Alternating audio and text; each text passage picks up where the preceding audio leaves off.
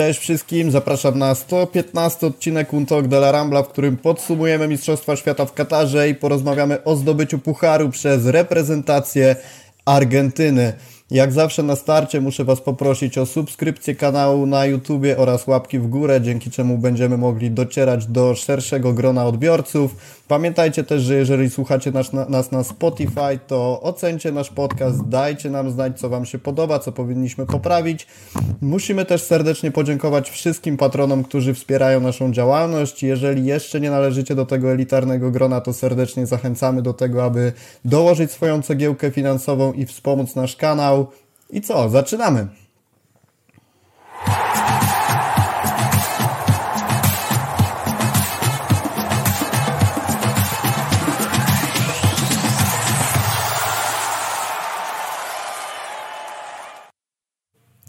Mundial już za nami, mundial pełen emocji, zwrotów akcji, porozmawiamy sobie o tym, podsumujemy, przedstawimy to, co nam się najbardziej podobało, to, na co możemy narzekać.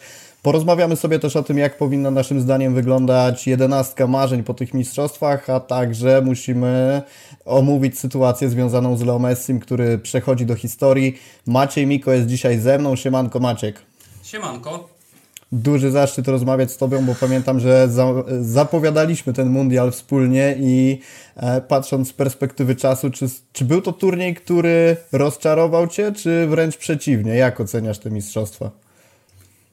Wydaje mi się, że turniej był, e, e, miał cały czas taki system interwałowy troszeczkę. To znaczy, Czasami było bardzo wysoki poziom, bardzo dużo emocji, dużo, bardzo dobrych dużo meczów, e, minut na boisku, natomiast e, też były sytuacje, w których e, te mecze były mniej ciekawe. I wydaje mi się, że pierwsze dwie kolejki fazy grupowej przede wszystkim dostarczyły nam masę emocji, natomiast no, ta ostatnia kolejka e, w meczach, w których coś się jeszcze ważyło, z reguły drużynom trochę brakowało odwagi, żeby tak postawić wszystko na jedną kartę. Wszyscy byli troszeczkę schowani w tych meczach, tak jak w tym meczu Chorwacja-Belgia, gdzie Belgia tak naprawdę czekała 70 minut, żeby zacząć e, dawać okazję Lukaku, żeby je zmarnował. tak też wiele dobrych drużyn, które już miało ten awans zapewniony, po prostu te mecze odpuściło. Więc e, ta faza grupowa powiedziałbym, że w, dla niektórych kibiców po konkretnych drużyn była pewnie bardzo interesująca i emocjonująca, a dla niektórych kompletnie nie, no bo jeżeli chodzi o Francję na przykład, czy nawet Portugalię, e, no to, no to wydaje się, że, że ta faza grupowa była mocno taka, żeby ją po prostu przejść. Przypominała fazę grupową Ligi Mistrzów. W ogóle ja mam wrażenie, że my powinniśmy ten turniej rozpatrywać sobie w dwóch częściach. Pierwsza część to byłyby mecze do finału, a finał by, był czymś absolutnie oderwanym od rzeczywistości. I trochę tak sobie do tego podejdźmy, bo gdybyśmy mieli teraz cokolwiek podsumowywać, to jaki był najlepszy mecz? Finał. Który mecz dostarczył najwięcej emocji? Finał i, i tak dalej, i tak dalej. Także jeszcze o finale sobie porozmawiamy w trochę dalszej części, no ale wiemy, że turniej to nie tylko ten mecz o złoto, ale także inne, inne spotkania. Nie wydaje Ci się, że był to wartościowy, wartościowy mundial ze względu na to, że było sporo takich nieoczekiwanych zwrotów akcji, bo w samych meczach grupowych Tunezja wygrała z Francją, Japonia pokonała reprezentację Niemiec. Zresztą w ogóle Japonia niesamowite mistrzostwa, tak uważam, bo, bo do tego doszła jeszcze wygrana 2 do 1 z Hiszpanią. Czy to nie jest największą zaletą tego turnieju, że te najlepsze drużyny nie chcę powiedzieć, że wypadły słabo, ale dystans dzielący formę najsłabszych drużyn na papierze od tych najlepszych mimo wszystko był mniejszy niż na poprzednich rozgrywkach, czy to w 2018, czy w 2014, czy jeszcze wcześniej. To zdecydowanie tak się wydaje. No, jednak mundial w środku sezonu yy, troszeczkę wymuszał taką sytuację. No, pamiętajmy oczywiście, że w tych yy, najmocniejszych kadrach grają oczywiście zawodnicy z lig najmocniejszych E, którzy przed sobą mają jeszcze masę wyzwań tak naprawdę. Ten sezon ligowo właściwie dopiero się rozpoczął, jeszcze się e, w nim nic nie wydarzyło e, konkretnego, więc rzeczywiście dru zawodnicy drużyn, które teoretycznie były uważane za te najmocniejsze, być może nie tyle niekoniecznie mieli wielką motywację, o tyle być może chcieli przejść tą na przykład fazę grupową, ci, którym, którym się to nie udało, trochę suchą stopą. E, nie marnując e, całej energii na tą fazę grupową, nie skupiając się aż tak bardzo na każdej minucie czy na każdym fragmencie meczu, często odpuszczając, spuszczając stonu, często e, zadowalając się jednobramkowym prowadzeniem lub remisem, który w tym wypadku był korzystny, a i nawet czasami porażką korzystną, więc wydaje mi się, że rzeczywiście to był, to był mundial, który promował zespoły, którym się naprawdę chciało grać, bo większości I... tych najlepszych zespołów się chyba nie chciało. I w ogóle wydaje mi się, że spora zaleta jednak tego, że ten mundial był rozgrywany w trakcie sezonu. To też jest ciekawa opinia, która gdzieś się przewijała na Twitterze, też u nas na, na Rambli, na fcbarsa.com, że paradoksalnie to, na co narzekaliśmy najbardziej, czyli że gdzieś zawodnicy mogą być zmęczeni, okazało się dosyć dużym plusem, bo wyszło na to, że byli w formie po prostu. Nie było tego momentu, kiedy zakończył się sezon, morderczy sezon dla wielu zawodników, tylko oni weszli jakby e, kontynuując tę swoją formę klubową i wydaje mi się, że to jednak wyszło na plus. No zobaczymy, jak to się wszystko przełoży potem na formę klubów e, jak już sezon, sezon klubowy wystartuje na nowo. Natomiast sam fakt tego, że e, mundial był rozgrywany w trakcie sezonu, oczywiście no napięty kalendarz i tak dalej, tak wydaje mi się, że finalnie wyszło to na dużo większy plus niż mogliśmy się spodziewać. Jak oceniasz sytuację związaną z całą tą otoczką katarską? To znaczy dużo mówiliśmy o sytuacji politycznej, o prawach człowieka i tak dalej, i tak dalej. I pamiętam, że jak rozmawialiśmy na naszym poprzednim podcaście, e, tym jeszcze przed mundialem, to wspomnieliśmy, że fajnie jakby ten turniej mimo wszystko trochę przykrył na moment to wszystko, żeby te emocje były czysto sportowe i oczywiście nie zapominając o wadze tych wszystkich problemów, żebyśmy mogli się cieszyć samym sportem. Myślisz, że to się poniekąd udało, czy jednak przebijały się Twoim zdaniem te aspekty społeczne, nazwijmy to tak szeroko. Y, to znaczy, przewijały się, to prawda, natomiast rzeczywiście z, trochę zgodnie z tym, co mówiliśmy tuż przed rozpoczęciem turnieju, mm, gdy pojawiły się pierwsi piłkarze na boisku, gdy, gdy pierwsze mecze y, zaczęły się odbywać, gdy, gdy pierwsze drużyny wyskoczyły na boisko, tak naprawdę prawie momentalnie przestano w ogóle mówić o tym wszystkim wokół Kataru. No oczywiście gdzieś tam pojedyncze głosy się pojawiały, ale zdecydowanie w tym e, momencie zaczął rządzić sport i, i, i na tym się skupialiśmy. Były pojedyncze sytuacje, tak jak e, piłkarze Iranu, którzy e, na przykład nie śpiewali hymnu przy swoim pierwszym meczu z Anglikami, no bo już w drugim niestety, czy to jakaś odgórna odgórna siła ich zmusiła, czy nie, ale, ale ten hymn śpiewali, więc jakieś tam pojedyncze próby protestu, niekoniecznie katarskiego protestu, bo Iran akurat protestował wobec kobiet we własnym kraju e, ich traktowaniu, natomiast, e, natomiast rzeczywiście pojedyncze sytuacje się wydarzały ale rzeczywiście rządził głównie futbol na tym turnieju. I to wydaje mi się, że koniec końców jest najważniejsze, bo Rozmawiamy o tym wszystkim, jest to ważne, jest to istotne, są to ważne sprawy społeczne, ważne sprawy kulturowe. No natomiast jeśli już nastawiamy się na same mecze oglądamy turniej, no to jednak interesuje nas to, co na boisku, a nie to, co poza nim.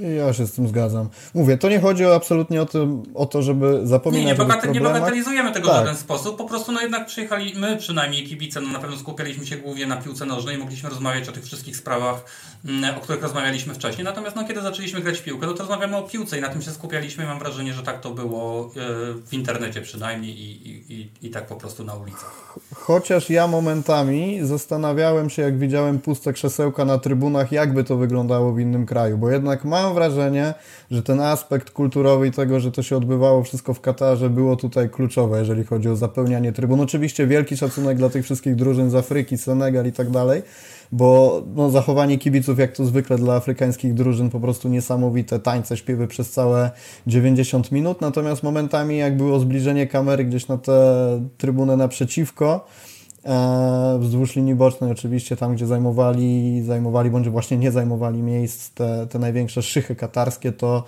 e, trochę przykro momentami to wyglądało, szczerze mówiąc i no, tak to jest taki minusik to, w tym całym mundialu. Yy, tak naprawdę to jeszcze w niedzielę rano mogłeś kupić bilety na finał. To co prawda były to te bilety, które kosztowały najwięcej, liczone w dziesiątkach nawet, czy tam w kilkanaście tysięcy złotych kosztowały, natomiast były co już świadczy, e, świadczy o tym, że jednak to zainteresowanie nie było aż tak duże. Mm, no ja sobie nie wyobrażam, żeby na jakikolwiek finał Mistrzostw Świata bilety nie były wykupione dużo wcześniej. Z reguły na te turnieje, które odbywały się w Europie, czy nawet e, w, powiedzmy w bardziej standardowych krajach sportowych czy piłkarskich, e, to te bilety w ogóle praktycznie były niedostępne. Żeby w ogóle na jakiś mecz się dostać, trzeba było te bilety losować i to często losowane z puli było kilkadziesiąt tysięcy biletów z puli wielu milionów ludzi. E, natomiast tutaj tak naprawdę no to tych, tych ludzi niemal upychano trochę. Wiemy, że jest sporo relacji e, z tego mundialu, że na trybunach było sporo ludzi, że trybuny żyły, że to nie jest tak do końca, jak to widać często w okiem kamery, bo te, te, te wolne przestrzenie, te wolne krzesełka często, e, często są bardzo widoczne na tych meczach. Natomiast rzeczywiście bezpośrednie relacje z tamtąd, to ludzie, którzy powiedzmy mają jakąś wiarygodność, nie są to, nie są to przyjaciele Kataru, tylko zwykli kibice, którzy tam byli, no to większość meczów odbywała się jednak przy powiedzmy w dużej mierze pełnym stadionie.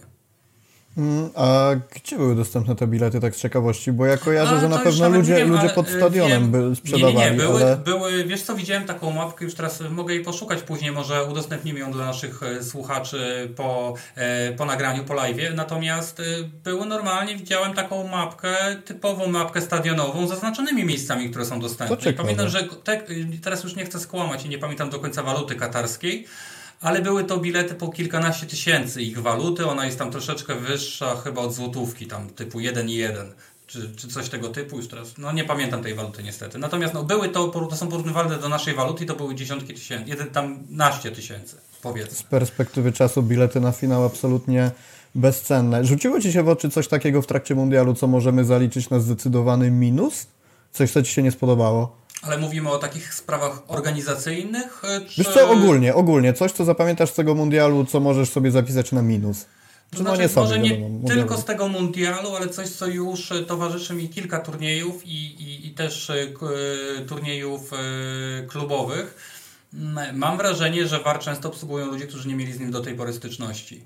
To się wydarzało, wiemy, w Lidze Mistrzów już do tej pory, bo, bo chociażby sędzia, który nam sędziował mecz z Interem, zresztą od razu możemy wyciągnąć chłopaka, bo to jest, teraz zapomnę, Słowak, Sławko, Sławko Wincić, o nim mówisz? Może, nieważne. W każdym razie ten sam sędzia, który sędziował na mecz z Interem, e, z tym samym warowcem holenderskim, sędziował ten mecz Argentyny, gdzie został źle wyrysowana linia spalonego z Arabią Saudyjską. Czyli rzeczywiście było widać, że wielu z tych sędziów, no bo nie chcę od razu mówić, że na pewno popełniali świadome błędy. E, Tak jak chociażby w meczu trzecie miejsce sędzia, który nie zauważył rzutu karnego z Kataru, e, prawda, faul e, był straszliwy po prostu Bufala. No to jakby widać go było z każdego miejsca na stadionie, a jednak ani VAR nie zadziałał, ani sędzia nawet tego VARu nie chciał e, skorzystać. Więc wydaje mi się, że bardzo wielu z nich, zwłaszcza tych spoza Europy, nie do końca miało styczność z VARem do tej pory, nie wiedział dobrze jak z niego korzystać. Mm, A po drugiej stronie siedzieli często też podobni ludzie, e, którzy z tym VARem mają albo mniej styczności, albo może przynajmniej nie w wydaniu europejskim, czyli takim bardzo zaawansowanym. I tu wydaje mi się, że zostało popełnione trochę błędów, takich, które VAR powinien prostować, a nie do końca to się działo. To ja w ogóle mam wrażenie po tym mundialu, że sędziowie bardzo mało odwagi potrafili wkładać w podejmowanie decyzji, dużo rzutów karnych. Zresztą to jest coś, o czym sobie porozmawiam później w przypadku Szymona Marciniaka, bo tu zdecydowany plus na jego konto. Natomiast często miałem wrażenie, że niektóre sytuacje były tak oczywiste, że można było od razu dyktować, czy to karne, czy na przykład no, w przypadku spalonych to wiadomo, że trochę inaczej to wygląda, ale też były takie dosyć jednoznaczne sytuacje, a sędziowie mimo wszystko woleli puścić akcję i ubezpieczać się warem. No Oczywiście, pytanie, no, pytanie wiesz, czy jest to teraz- dobre, czy jest to złe, tak? Ale, Znaczy, no ale wiesz, mamy rzuciło się teraz, to w oczy. mamy teraz taką przestrzeń, że sędzia może sobie zostawić tą chwilą. Często widać po sędziach, że oni nic nie robią, nie odchodzą, nie pokazują niczego, tylko spokojnie chwilę chcą poczekać. Pokazują, słuchamy, nie wiem, poczekaj i tak dalej. Natomiast e, rzeczywiście, kiedy, jest, e, kiedy my chcemy gry płynnej, chcemy gry dynamicznej, no to te przerwy powinny być jak najkrótsze i to tak naprawdę no, sędzia jest od podejmowania decyzji, a nie od czekania, co mu na słuchawce odpowiedzą. Więc albo podejmujesz decyzję, że gramy dalej i warią prostuje, albo podejmujemy e, decyzję, że jest faul i VAR ją weryfikuje, no bo kiedy on tak naprawdę nie podjął żadnej decyzji, tylko stoi na tym boisku i czeka, co mu podpowiedzą, a w środku e, wozu VAR czy pokoju VAR e, siedzi pięciu ludzi, często z pięciu różnych krajów, Też te ich doświadczenia warowe są różne, bo na przykład jeden jest z Ameryki Południowej, jeden jest z Europy, jeden jest na przykład ze Stanów Zjednoczonych. Każdy to trochę inaczej widzi. E, Bardzo ciężko, gdy nie masz tej jednej takiej współpracującej grupy, na przykład od samego początku tego waru, e, tak jak to jest często w Europie na meczach, gdzie ludzie współpracują cały czas, z tą samą grupą i tak samo wiedzą, jak się oceniać, e, no to też często to trwało bardzo długo i często w ogóle nie było żadnej decyzji. Tak jak właśnie w przypadku faulu Buffala, e, w polu karnym w meczu o trzecie miejsce. To mi się wydaje, że to po prostu sędzia czekał, żeby mu ktoś coś powiedział. Nikt mu nic nie powiedział, więc on poszedł dalej, biegniemy. Więc No, sam dalej. decyzji nie podjął i gramy dalej, no, i, a popełnił złą decyzję. Na szczęście ona nie miała wiele e, wpływu na wynik końcowy, natomiast no po prostu była fatalnie zła. Tak, ja tylko doprecyzuję, bo oczywiście nie chodzi mi o to, żeby sędzia był ponad war i nie korzystał z niego, bo po to został stworzony ten, ten przywilej, natomiast często było po To prostu warto tak, jest dodatek, że... to jest pomoc, a Tak. nie I podejmuje właśnie, za właśnie dokładnie, brakowało mi tego, żeby on tym dodatkiem pozostał, a niekoniecznie działo się to, co się działo momentami, że sędzia był wręcz uzależniony od tego.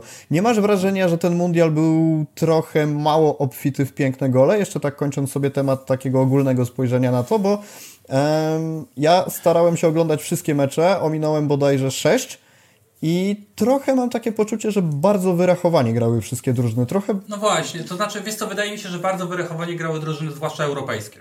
Tak, tak. To znaczy tam, gdzie my mogliśmy oczekiwać, spodziewać się, że wystrzelą wielkie talenty, gdzie y, te drużyny często staną na głowie, żeby, żeby, dobrze, żeby dobrze zagrać, żeby będą chciał grać efektownie, że będziemy, y, że będą chcieli się podobać, że będziemy chcieli obserwować te drużyny, no to to się niestety nie wydarzyło i tak naprawdę wydaje mi się, że mimo tego, że często padało dużo bramek w niektórych meczach, o tyle tak naprawdę to te, naj, te najlepsze ekipy, te z największym potencjałem kadrowym, grały ten futbol trochę najnudniejszy, bo niestety, no nie wiem jak ty to widzisz, ale dla mnie na przykład drużyny, które y, mają kadry pokroju Francja, pokroju Anglii. Oczywiście Anglia potrafiła wygrać 6-2 z Iranem, na, na, nastrzelać bramek i super.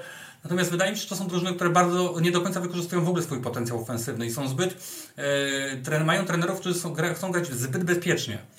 Tak naprawdę. I na przykład jeżeli widzę Anglików, którzy mają taki potencjał w kadrach, mm, a potem tak naprawdę w ogóle niewiele z tego wynika, albo te mecze kompletnie odpuszczają, czy powiedzmy nie chcą aż tak bardzo się e, za nie zabrać, tak jak na mecz z USA, choć powiedzmy, gdzie e, oni oddali cały środek pola e, Tylerowi Adamsowi, właściwie w ogóle nie atakowali, no bo dla nich remis był w porządku i okej. Okay. Natomiast no ja bym oczekiwał od tych najlepszych reprezentacji, od tych najlepszych piłkarzy, żeby jednak się na tym mundialu pokazać, no i oczekiwałbym też trochę ryzyka z ich strony, no jednak to są zawodowi piłkarze, zarabiają zawodowe pieniądze i mają nam dostarczyć zawodowe show.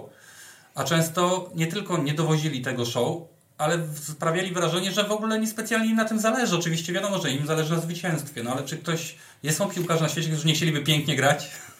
No i właśnie tu jest trochę ta rozmowa, czy turnieje się rozgrywa, czy wygrywa, tak? Bo e, to też jest dosyć popularna opinia, że co z tego, że drużyna gra brzydko, skoro potem dochodzi do ćwierćfinału, półfinału, czy do, czy do finału. No, możemy się rozwodzić nad piękną grą, ale co z tego, jeżeli odpadnie drużyna w jednej czwartej, czy, czy półfinale i nic z tego nie będzie. Dlatego ja myślę, że to trochę było tak, że E, większość drużyn obliczyło sobie jak grać i miało obliczony wynik, jaki ma uzyskać tym wszystkim. Natomiast ja miałem na myśli, wiesz co, nawet nie tyle same mecze, jak wyglądały, bo to oczywiście to taktyka i tak dalej, to wszystko jest, tak jak mówię, e, wyrachowanie, żeby osiągnąć jak najwięcej.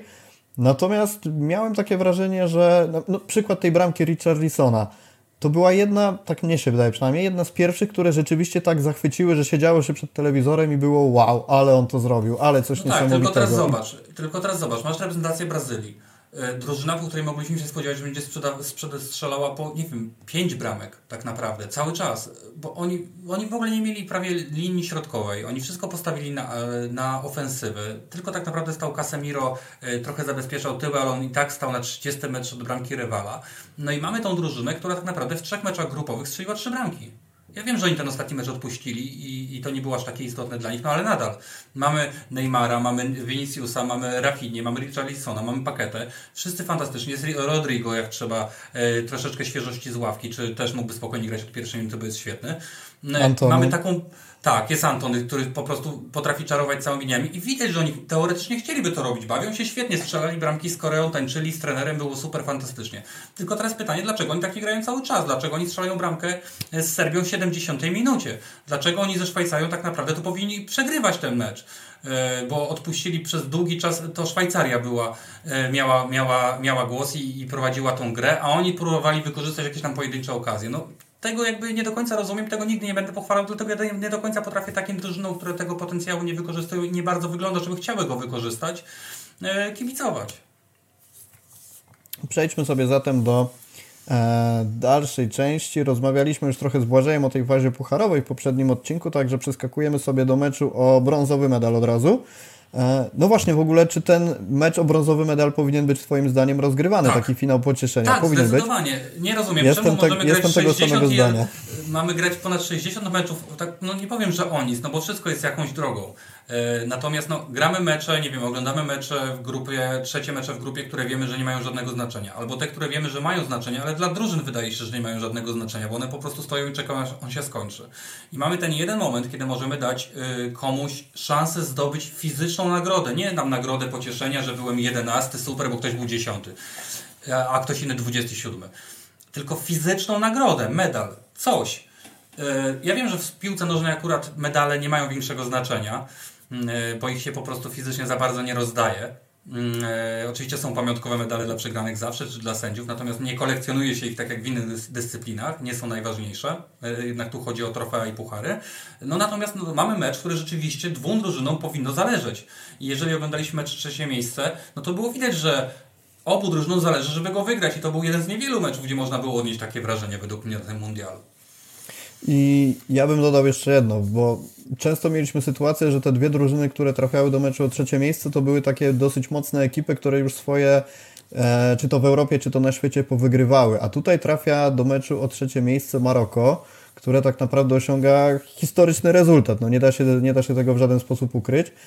I ja bym czuł na miejscu Marokończyków taki niedosyt, że okej, okay, odpadamy w tym półfinale, nie będzie historycznego finału, ale z drugiej strony mamy szansę zapisać się jako ta trzecia drużyna i chcielibyśmy to w jakiś sposób podkreślić, właśnie tą wygraną w meczu o trzecie miejsce. I moim zdaniem to byłoby super, no czy no nie wygrali, wiadomo, no gdzieś tam Chorwacja okazała się lepsza, natomiast sam fakt tego, że oni mieliby nie dostać takiej szansy, żeby o ten brązowy medal powalczyć, to moim zdaniem byłaby taka, mówiąc w cudzysłowie, trochę kradzież, bo bo rzeczywiście fajnym takim aspektem i, i wisienką na torcie gry tej drużyny byłoby, gdyby po pierwsze mieli szansę, tak jak mieli szansę wygrać, i gdyby rzeczywiście tego, tego dokonali.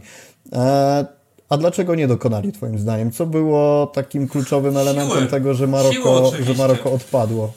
Siły oczywiście. Maroko było jedną z tych e, niewielu drużyn, a właściwie prawdopodobnie jedyną drużyną, e, no drugą, dru, drugą drużyną, bo ta pierwsza wygrała ten turniej, drugą drużyną, która naprawdę grała na bardzo wysokiej intensywności i wszystkie swoje braki, czy niedoskonałości, czy problemy kadrowe próbowała załatać intensywnością, zaangażowaniem, ambicją. Dlatego taka drużyna, niestety, no to nawet zresztą mówił, e, mówił trener Maroka, że no niestety mięśniówki, zmęczenie, e, nie jesteśmy w stanie na takiej po prostu, na takiej intensywności biegać za kolejną fantastyczną reprezentacją, no bo oni biegali za Hiszpanią, biegali za Portugalią, biegali za Francją, a na końcu jeszcze się muszą mierzyć z tymi twardymi Chorwatami, którzy już w ogóle potrafią grać tak e, bezpiecznie, tak punktatorsko w ataku, że to jest po prostu denerwujące czasami, jak się na nich patrzy, kiedy masz tych trzech pomocników, którzy potrafią zrobić z piłką wszystko po prostu.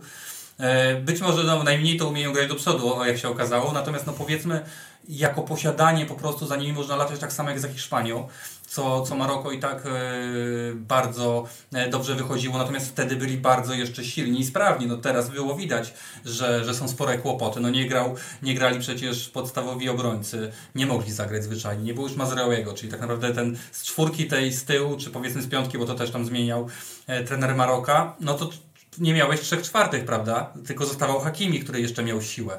E, więc e, rzeczywiście e, no, im zabrakło sił, ale dla nich należy wielka nagroda za to, że oni po prostu poszli all-in, tyle siły, ile mieli, wszystko zostawili na tym boisku, całą, całą swoją energię wykorzystali, no nie udało się zdobyć brązowego medalu, natomiast wydaje mi się, że czwarte miejsce nadal będzie, jest dla nich świetne i będzie do końca, do, do końca lat piłki nożnej jeszcze wspominane.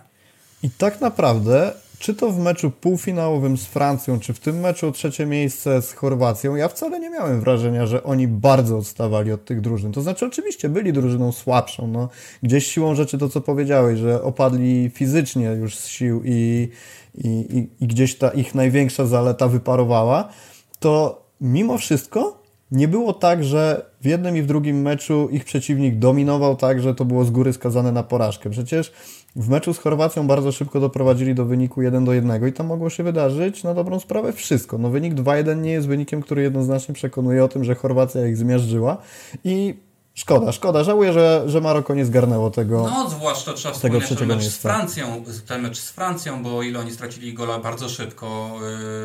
Yy, poszły tam, no, może nawet nie wędki tak naprawdę, bo tam Sajs szedł po prostu, że no już okazywało się, że ani ta formacja nie gra, no ani on nie jest w dobrej formie fizycznej, żeby, żeby na tym boisku występować. Wrócili do, do 4-3 i powiem Ci, że e, oni długimi fragmentami dominowali Francję. Oczywiście oni mieli kłopoty z dochodzeniem do sytuacji bramkowych, no bo jednak Francja tą linię obrony ma fantastyczną. To są silni, szybcy, wysocy ludzie, którzy tak łatwo się nie dadzą przepchnąć, czy, czy nie przegrają przebitek.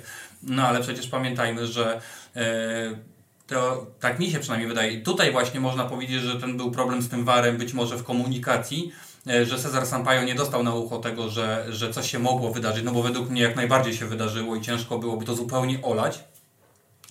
E, dlatego e, dlatego e, wydaje mi się, że tutaj rzeczywiście właśnie jedno to, co żeśmy mówili wcześniej, że te problemy w komunikacji albo ewentualnie w decyzyjności, e, no to równie dobrze mogli na przykład wy, wy, wy, wyprowadzić ten mecz na, na remis gdzieś tam jeszcze w pierwszej połowie, a sam przebieg tej rywalizacji no wcale nie był dla mnie taki oczywisty. Francja przez długi czas dobrze się broniła, no ale potem zaczęła grać z kontry. E, Maroko miało kilka szans i tak naprawdę równie dobrze mogłoby się potoczyć w każdą stronę. No widać było, jak Francja potrafi łatwo stracić bramki e, w meczu z Argentyną w pierwszej połowie. Przejdźmy sobie do meczu finałowego Argentyna-Francja i pierwsze pytanie. Czy był to najlepszy mecz, jaki widziałeś kiedykolwiek? Bo ja się długo zastanawiałem, czy będzie takie spotkanie jeszcze, które przebije 6 do 1 z PSG, tę fantastyczną remontadę, bo tam emocje to sięgały zenitu i w ogóle coś niesamowitego, co się wydarzyło. Natomiast okazało się, że w zasadzie długo nie musiałem czekać na takie wydarzenie, bo, bo mecz Argentyny z Francją był czymś, co zdecydowanie przebił te emocje i nie dość, że e, tak emocjonalnie był dużo lepszy, bo w zasadzie już od pierwszej do ostatniej minuty, a tych minut było jeszcze więcej niż w meczu z PSG, trzymał w napięciu, to jeszcze był zakończony czymś tak fantastycznym, jak zdobycie złotego pucharu przez, złotego medalu pucharu przez Argentynę. Um, widziałeś coś lepszego? To znaczy, no ciężko powiedzieć, tych meczów było tak dużo. Tu oczywiście wynik e, robi na tyle różnicy, że, że będzie ciężko znaleźć mecz ważniejszy i lepszy, mm, bo z reguły e, drużyny, moje drużyny, które grały swoje finały, no to albo je po prostu wygrywały i nie miały z tym większego problemu. E, powiedzmy Barcelona w, Lig w Lidze Mistrzów. E, Natomiast jeżeli chodzi o reprezentację, no to właściwie jest to pierwszy turniej, w którym wygrywa reprezentacja, której ja kibicuję. E, A jest to mój no, dużo turniej, bo ja zaczynałem w 94 od USA. Więc, e, więc ma rzeczywiście troszeczkę inny wymiar takie zwycięstwo i taki mecz się ocenia inaczej. No ale taki mecz można powiedzieć, że bardzo podobny, jak nie identyczny. Argentyna rozegrała w ćwierćfinale z Holandią. Tam też prowadziła 2-0, tam też Holandia wyrównała i to w dużo dramatyczniejszych okolicznościach i wydaje mi się, że koniec końców dużo ciekawszych, bo to rozwiązanie rzutu wolnego w 94 minucie to myślę, że nikt by na to nie wpadł. Coś fantastycznego. A potem zasady już tak naprawdę podobne. E, Dogrywka była z lekką przewagą Argentyny, ale tam już drużyny się bardziej badały, już trochę bały się zaryzykować dobrze. No tu w meczu Argentyny z Francją mieliśmy, mieliśmy dogrywkę na 1-1, więc jest jednak troszeczkę ciekawiej. No i potem oczywiście rzuty karne, oczywiście gadający Dibu, prowokacje, broniący wszystko. No i to tak mniej więcej przebieg był bardzo podobny tak naprawdę, więc tutaj różnimy się tylko tym, że ten mecz jest finał, finał Mistrzostw Świata, gdzie jeżeli chodzi o mecze finałowe, no rzadko spotykamy się z jakimś wielkim spektaklem. To w takim razie co Twoim zdaniem jest siłą Argentyny na tym mundialu? Co było siłą Argentyny? Bo ja oglądałem każdy mecz i mówiłem to już wielokrotnie, czy to e, na naszych podcastach, czy gdzieś w wypowiedziach na Twitterze, że z każdym kolejnym meczem ja miałem wrażenie, że to może być ostatni mecz Argentyny na mundialu. Jak była jedna ósma, grali z Australią, ok, prowadzili, natomiast w momencie, kiedy Australia strzeliła na 2 do 1, to już pachniało takim e, remisem, jakimś głupim odpadnięciem, no ale przeciągnęli to dalej. Potem była Holandia, gdzie znowu 2-0, niby prowadzenie, dominacja na boisku, ale nadal to nie przekonywało. Po czym jest 2-2, dochodzi do rzutów karnych, po drodze dogrywka i miałem w głowie taką czerwoną lampkę, że no, no przyszło to, na co gdzieś tam podświadomie czekałem, że to znowu ten mecz, w którym oni prawdopodobnie odpadną. I gdzieś cały czas miałem w głowie, że, że to jest zbyt filmowe zakończenie tego mundialu, żeby Argentyna wygrała, więc e, co Twoim zdaniem zadecydowało właśnie o tym, że ta drużyna, która w oczach wielu wcale nie była takim dominatorem, sięgnęła po puchar? No, powiem Ci, nie wiem szczerze mówiąc, bo jakby tak wziąć pod uwagę przebieg tych spotkań, tak jak ta drużyna się rozwijała na, na turnieju, tak jak Scaloni potrafił zmieniać i klocki, i ustawienia, to mi się wydaje, że akurat Argentyna, Holandia też podobnie, grała mniej więcej jak najbardziej świadomą dla siebie piłkę i wydaje mi się, że te wszystkie wyniki, które oni osiągali, oczywiście no wiadomo, że wpływa na to wiele rzeczy, ale te wyniki, które oni ostatecznie osiągali, mam wrażenie, że one były nieco trochę zaplanowane. Niemal nawet ta reakcja Scaloniego już po ostatnim, ostatnim karnym miałem wrażenie, że on już wiedział, że coś tak wydarzy. Ja wiem, że oni już mieli tą sytuację dosyć pewną, prawda, no, że tam mieli chwilę, nawet mogli się pomylić od biedy przy tym strzelaniu karnym. Natomiast no, tak naprawdę no tutaj ja nie widzę wielkiego szału. On teraz, on dopiero po fakcie dotarł do, do Argentyńczyków, mam wrażenie. Dopiero jak już opuścili murawę, dopiero jak dostali puchar, jak zeszli z murawy, jak wrócili teraz do Buenos Aires i tam szaleją sobie w autobusie wypadając z niego tam, bo tam widziałem, że trzeba było ratować i czapki i ludzi. E, Mało brakowało, się, trzeba byłoby pięciu Argentyńczyków ratować, jak się nadziali na linię wysokiego napięcia. No tak, ale Rodrigo de Paul zawsze czujnie, yy, czujnie swojej roli ochroniarza się wywiązuje. Natomiast no, wydaje mi się, że oni byli bardzo świadomi tego, co grają i ich cel był jasny yy, i oni byli na nim sfokusowani. W ogóle jakby nie tracili czasu na jakieś ani kłótnie, ani przepychanki, nikt się nikogo nie obrażał. Zresztą zwróćmy uwagę, że Scaloni tak naprawdę ten drużynę kompletnie zmienił od pierwszego meczu, żeby na koniec niemal do niej wrócić. Prawda? Bo po pierwszym meczu wleciał Papu, mm, słusznie oczywiście, bo właściwie myślę, że wszyscy obserwatorzy Argentyny mm, e, na co dzień Papu Gomeza niespecjalnie lubią i on dla tej kadry nie miał większego nigdy znaczenia. I dlatego mnie zaskoczyło, że on wyszedł w pierwszym składzie, tym bardziej no mając na ławce Enzo Fernandesa. To było dla mnie jakieś absurdalne. I na szczęście się, odkręciło się to. I wydaje mi się, że pierwsze mecze, pierwsze mecze grupowe, y, trochę mu to zaburzyło Scaloniemu ta porażka z Arabią Saudyjską. Natomiast wydaje mi się, że Argentyna te mecze fazy grupowej przeznaczyła niejako na znalezienie tego trochę złotego środka bo my rozmawialiśmy o tym e, przed mundialem i wspominaliśmy o Enzo i o e, McAllisterze, no ale wtedy na przykład rozmawialiśmy o McAllisterze na zasadzie, że ktoś to wejdzie z ławki i zrobi różnicę, a nie, że on na przestrzeni tego turnieju stanie się podstawowym zawodnikiem, bez którego niemal ta kadra nie jest w stanie w ogóle funkcjonować niemal. No pamiętajmy, że jeszcze swego czasu no, nikt by nie pomyślał, żeby grać jakimś McAllisterem i po prostu grałby Paredes. Oczywiście Właśnie, to jest zupełnie, ja, ja też mam, to jest zupełnie ja też mam... piłkarz, Natomiast, no, tak jak ja rozmawialiśmy, tak jak rozmawialiśmy, tak jak rozmawialiśmy przed turniejem, no McAllister to jest gość, który jednak umie grać bardzo dobrze do przodu. On ma to dobre otwierające podanie, on się dobrze odnajduje w przestrzeniach. Zresztą była świetna analiza, jak on e, w meczu finałowym zobaczył wolną przestrzeń. Od razu ją atakował i od razu stało tam podanie. No to, to on naprawdę, jeżeli chodzi o inteligencję boiskową, to gość jest niesamowity. Coś czuję, że ten Brighton długo nie posiedzi, a będzie kosztował kupę, e, kupę kokosów pewnie, no bo to w Anglii to nie może być inaczej oczywiście. Natomiast chciałbym zwrócić na jedną, na jedną rzecz uwagę, jeżeli chodzi o finał. E, a właśnie a propos Di Marii, bo Di Maria nie grał cały turniej. On rozpoczął go, potem e, zaczęły się jakieś problemy z mięśniami i, i on po prostu grać nie mógł. Argentyna radziła sobie całkiem dobrze bez niego i on nagle się pojawia na mecz finałowy. I o co chodzi? No ja tego na początku nie rozumiałem. Dopiero, e, dopiero kilka analiz mi to objaśniło. Scaloni miał taki pomysł. Damy Di Marię, ale na lewą stronę nie na jego prawą stronę, skąd on schodził, strzelał i tak dalej. Na lewo, gdzie my, jeżeli ktoś ogląda Argentynę, to wie, że Di Maria na lewej, no to w reprezentacji Argentyny po prostu to był taki ból zawsze.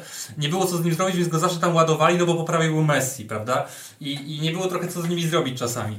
E, natomiast oni uwielbiają grać, ze sobą, więc, e, więc, więc chcieli, żeby byli razem. Natomiast chodziło o to, że e, kiedy Di Maria był jedynym zawodnikiem, który no, na skrzydle powiedzmy, ale w ogóle w ataku podejmował jakąś rywalizację, no bo Messi grał dużo głębiej, Alvarez jednak skupiał się na, na grze bez piłki, Scaloni postanowił, że jeśli przepchnie całą grę na e, lewą flankę głęboko, jak najgłębiej się da i, za, za, i zaangażuje Kundę i Dembele, no bo oni będą prawdopodobnie obaj tam biegać, bo Dembele, jak wiemy, od, od kilku lat już właściwie to chyba Kuman go tak trochę nauczył tego, bardzo dużo wraca do, do obrony, natomiast e, Mbappé jest zawodnikiem, który do finału, bo nie wiem jak było w finale, do finału przeprowadził jedną akcję defensywną, jedną. Mnie się rzuciła w oczy jakaś statystyka, że on nie zanotował chyba ani jednego odbioru na tym mundialu. Nie, nie, nie on miał nie jedną akcję defensywną, która polegała na tym chyba, że wrócił i po prostu wybił na aut. To nawet nie był odbiór, tylko było zatrzymanie. I Scaloni uznał, że skoro on i tak nie wraca do obrony, skoro on i tak się nie pojawia na swojej połowie, to jeżeli odsuniemy całą grę maksymalnie w lewą stronę, od jego prawej po drugiej stronie boiska, to tak będzie duży, duży dystans, że zanim piłka do niego dotrze, to już cała drużyna będzie z powrotem ustawiona. I zwróćmy uwagę na to, że w momencie, kiedy w 65 minucie wschodzi Di Maria i wchodzi Akunia, który wcale nie grał źle, ale już nie robił, nie miał tego zadania, żeby ofensywnie robić różnicę na skrzydle i angażować Kundę i Dembele do tej, e, do tej szczelnej defensywy, gdzie oni potem i tak w tym zagęszczeniu nie mieli co z tą odebraną piłką za bardzo zrobić i to się wszystko e, dawało Argentynie czas na powrót no to tylko to przestało działać i od razu poszły dwie dosyć szybkie akcje, obie z tej samej stronie, obie tak naprawdę po, po stronie Mbappé, no w jedną został faulowany e, czy Thuram, teraz już nie pamiętam. W każdym razie po jednej, w jednej sytuacji był faulowany chyba Marcus Thuram albo Kolomwani, już teraz właśnie nie pamiętam, a w drugiej Dembele po prostu z, tego, z tej pozycji chwilę później strzela bramkę. Więc moment po prostu, kiedy nie zadziałało to, Mbappé. I moment, kiedy nie zadziałało i już nie miało działać po prostu, zostało jakby wyczerpany ten pomysł Scaloniego, od razu się otworzyła ta strona i od razu Mbappé zaczął ładować gole. No to w takim razie od razu pytanie, jak ocenić zmianę Scaloniego? Bo oczywiście, ja też spotkałem się z wieloma informacjami, że Di Maria jest po prostu nie on w nie miał siły sił. już. Nie, on już nie mógł grać. To już nie było sensu, bo on już nie grał do przodu, a do tyłu tym bardziej nie. No bo Di Maria przecież nie jest niesłynnie z gry defensywnej. Jego zadaniem było mieszać z przodu. On już nie miał na to siły. No właśnie, i czy to jest w takim razie słuszny zarzut wobec Scaloniego, że on zdjął Di Nie, Marię? no bo jakby no go właśnie, zostawił, to po prostu daliby w dziesiątkę tak naprawdę. Wiadomo, że kiedy on by dostał piłkę, e, to by pewnie coś zamieszał, nie wróciłby, ale wiadomo, że on ma nadal świetne podanie, umie oddać strzał, umie, umie się kiwać w miejscu, umie to wszystko ładnie e, przetrzymywać na, e, w określonym miejscu. No natomiast, no jednak w tym momencie Argentyna jednak bardziej się broniła niż atakowała. No niestety nie można było zostawić, już wystarczy, że Messi nie bardzo biega, no to jeszcze jakbyśmy Di Marię tak zostawili po drugiej stronie, no to wyglądało trochę absurdalnie, no Akunia został wprowadzony po to, żeby po prostu tą flankę zabezpieczyć. Ale też od razu było widać, że coraz częściej Kunde wchodził już za połowę. Coraz częściej Koman, który był po tamtej stronie, zaczął grać kombinacyjnie i z wychodzącym Kolonłanim, i, i, i z Mbappé krótkie piłki, i jakieś trójkąty próbował e, Kunde i Chouamenim. Więc rzeczywiście to się, mecz się dopiero dla Francji rozpoczął wtedy, kiedy Di Maria opuścił boisko, ale nie dlatego, jaki Di Maria jest dobry w ofensywie, tylko jak jego zadania ofensywne spełniały bardzo ważne zadanie defensywne całej drużyny. I to jest ważne, co powiedziałeś, bo ja, takie moje pierwsze wrażenie, jak zszedł Di Maria, było, kurczę, no czemu on schodzi? Przecież wiadomo, że Argentyna może teraz dobić rywala, ale potem przyszło mi do głowy, że okej, okay, chłop nie gra, e, nie gra na tym mundialu dużo, bo właśnie to, co mówiliśmy, że pojawiły się jakieś informacje o urazach, o problemach zdrowotnych i być może on po prostu nie ma siły i w tym momencie wprowadzenie Akuni rzeczywiście ma taki wymiar czysto defensywny, tylko... E, jak Twoim zdaniem ocenić Scaloniego poza tą samą zmianą Di Marii na?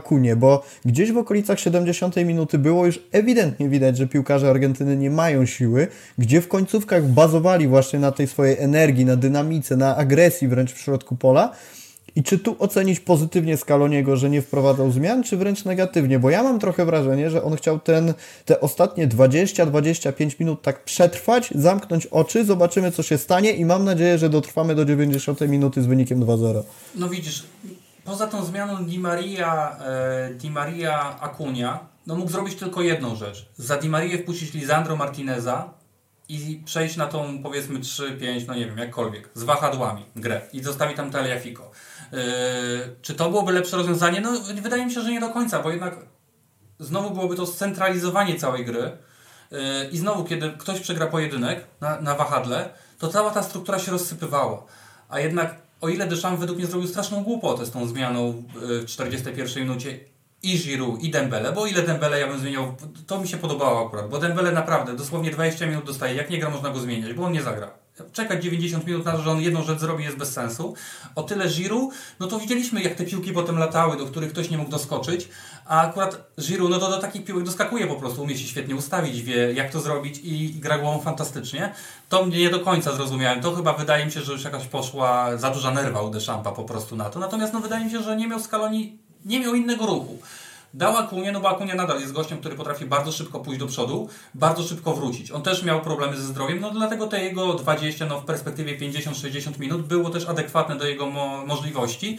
E, wiadomo, jaki jest Akunia. No Akunia jest też zadziorny, też nie miał problemu, żeby kogoś sfaulować. Zresztą zrobił to oczywiście po jakiejś stracie rzutną kartkę, bo to jest jego klasyczne zagranie. No to jest gość, który bardzo dobrze środkowuje piłkę na przykład, więc w sytuacji, kiedy trzeba byłoby ten wynik nawet gonić, no to jest taką opcją, no wiadomo, Argentyna nie gra za dużo głową, no nie oszukujmy się, ale gdyby się potem pojawił na boisku Lautaro, no to on już tą głową grać umie.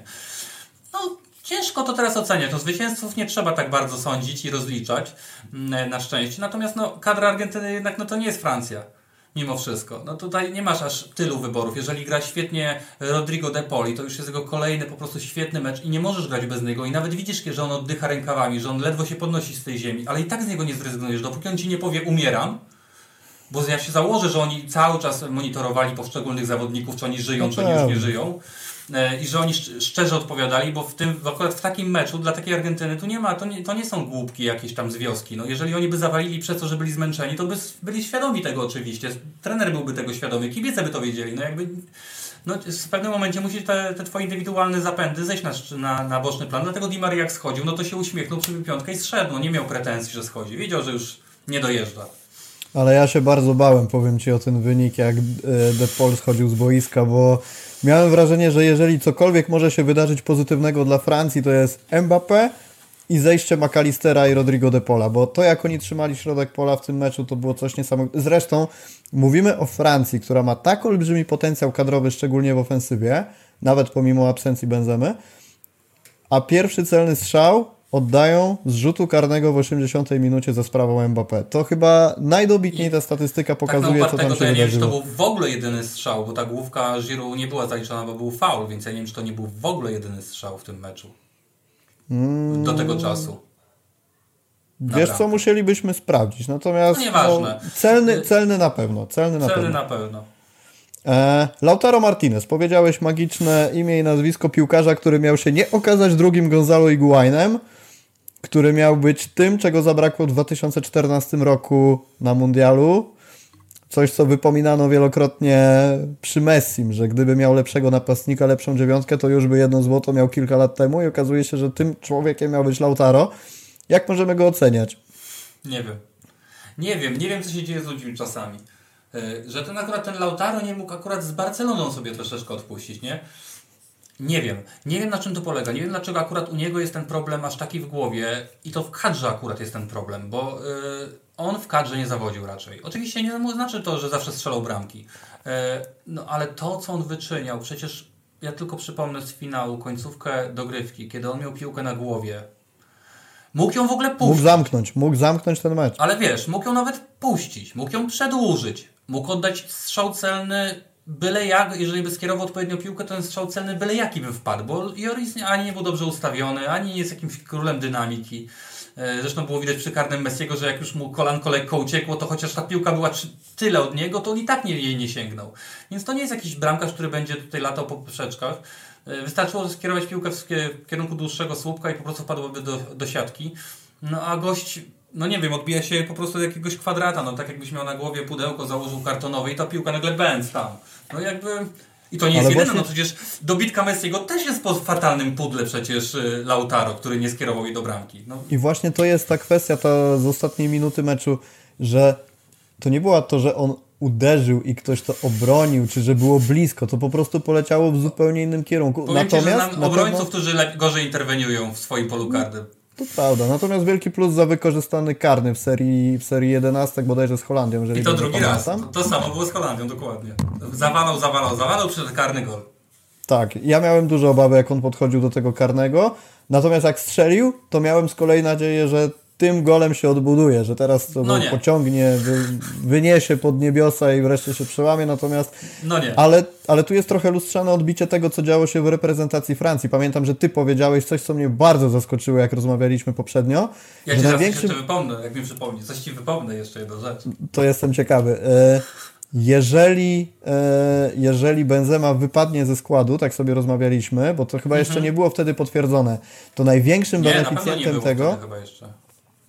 No. No, no nieważne. W każdym razie tak, to, to są twoje słowa, że jeżeli, jeżeli Benzema wypadnie, to największym beneficjentem tego będzie Giroud, bo może zagrać dobry mundial. I ja wtedy zastanawiałem się, czy aby trochę nie przesadzasz z tym, natomiast okazało się, że rzeczywiście, rzeczywiście Giroud zagrał bardzo dobry mundial, ale z drugiej strony pytanie, czy gdyby tam w finale nie grał Benzema, to to by się nie skończyło inaczej dla reprezentacji Francji. Jakie powiem jest ci zdanie? rzecz. Powiem ci, powiem ci jedną rzecz. Dzisiaj widziałem filmik. E, ja teraz nie wiem, to chyba 2021 było, e, kiedy Benzema wracał do kadry.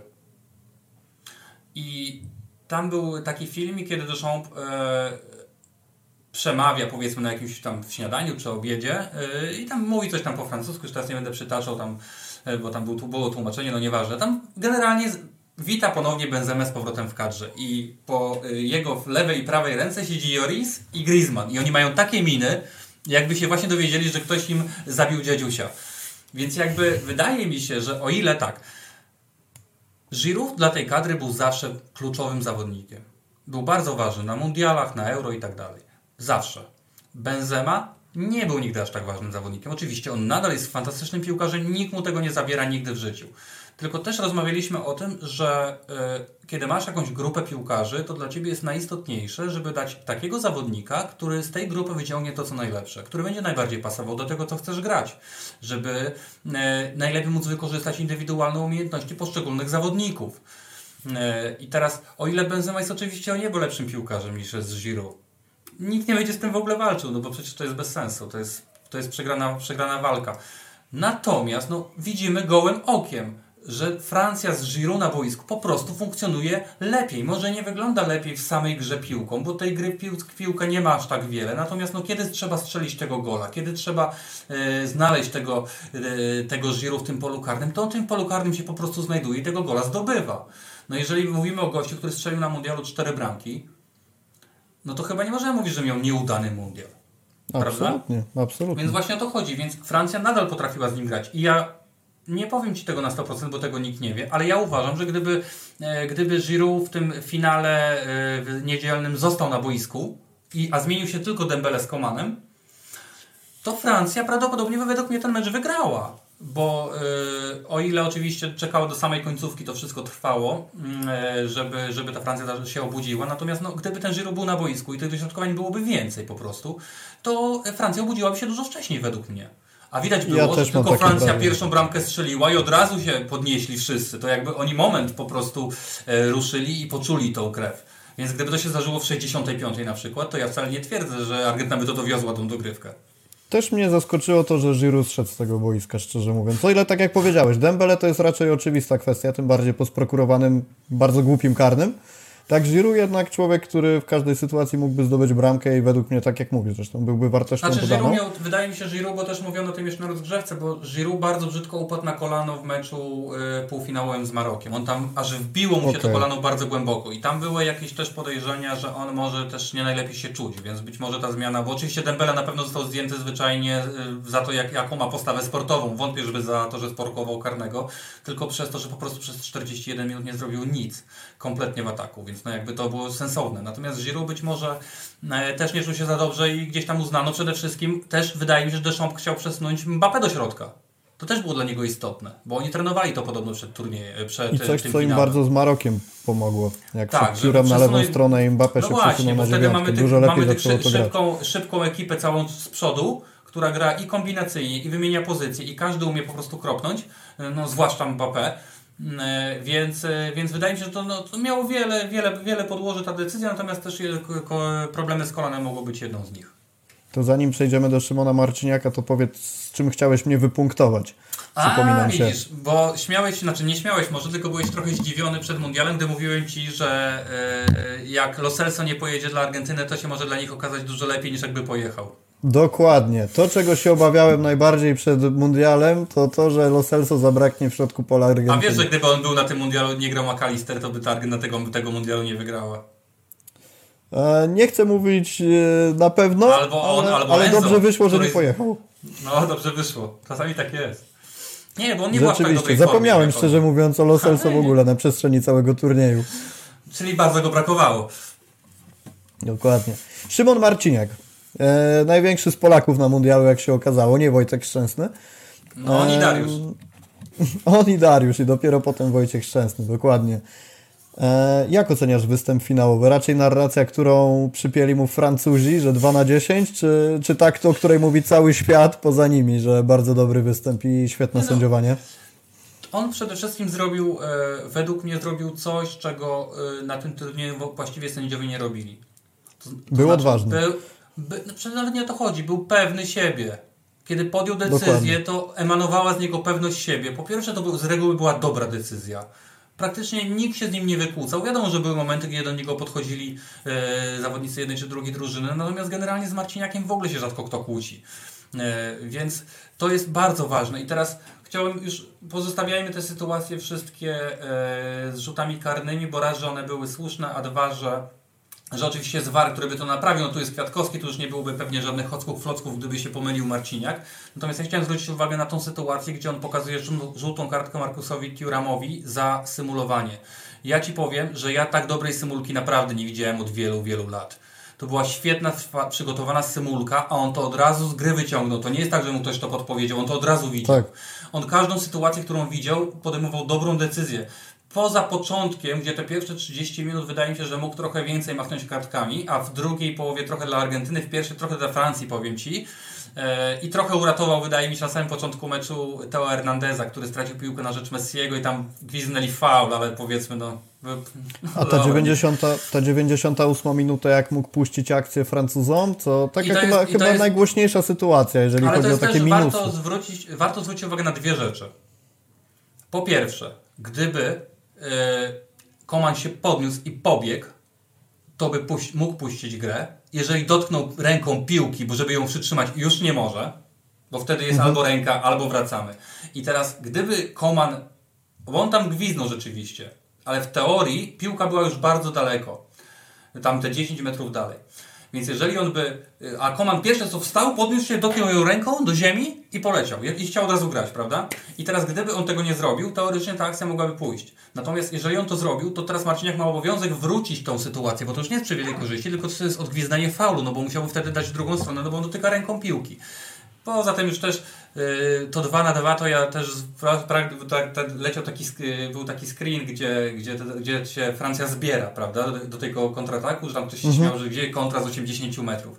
To ja zwrócę uwagę na tym zdjęciu, że tam stoi trzech Argentyńczyków, a jeżeli nie ma ich na tym obrazku, to znaczy, że oni są z tyłu.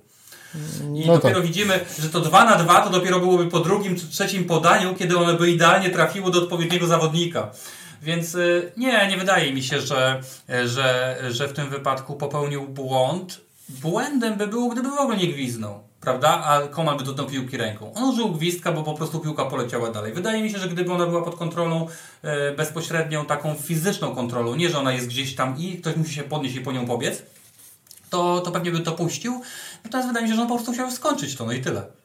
Ile to miało trwać? chętnie sobie zobaczę jeszcze raz tę akcję. Bo to jest ta ręka, 90 szczerze chyba mówiąc, ósma trochę- minuta, to- 98, tak. Chętnie No sobie zobaczę, no bo ta, ta ręka mi minuty. umknęła, powiem Ci szczerze. Tak, bo, oni, bo tam, nie wiem, czy Koman, może ktoś, e, ktoś inny z Francuzów, po prostu przyklepał ją do ziemi i chciał szybko rozpocząć jakby ten faul i on wtedy już musiał to wrócić. No bo już jest ze złego miejsca rozpoczęte, nie ma to ani przywileju, ani teoretycznie gwizdka. Więc jeżeli on dotyka ręką, no to albo robimy w ogóle rękę i piłkę dla Argentyny, no albo wracamy tam, gdzie uznaliśmy, że było przewinie, przewinienie i tutaj jest popełniony błąd. To trochę taki głupi błąd jak z tymi zawodnikami, co muszą, że teoretycznie jeden musi zostać, kiedy się inni cieszą poza boiskiem, prawda? No tak jakby tak. sędzia gwiznął start meczu, jak nie będzie drugiej drużyny, prawda? No ależ. I tam wczoraj też tak było, znaczy nie wczoraj, tylko w niedzielę, że jeden z Francuzów podbiegł się cieszyć przy 3-3, a ten go tam wypchnął, prawda? I wraca na boisko. Ale wiesz Zresztą co, było tak ogóle- samo wcześniej z Holendrami, z te, Argentyną. te tłumaczenia Francuzów, którzy dopatrywali się nie wiadomo czego w sędziowaniu Marciniaka, to szczerze mówiąc bardzo odbiera im ten srebrny medal trochę, taki, znaczy zostawiają taki niesmak po prostu po tym nie ma, wszystkim, no. że, że Nie nie, ma nie, nie, potrafią, nie potrafią przegrać tak naprawdę z honorem, z podniesioną wysoko głową.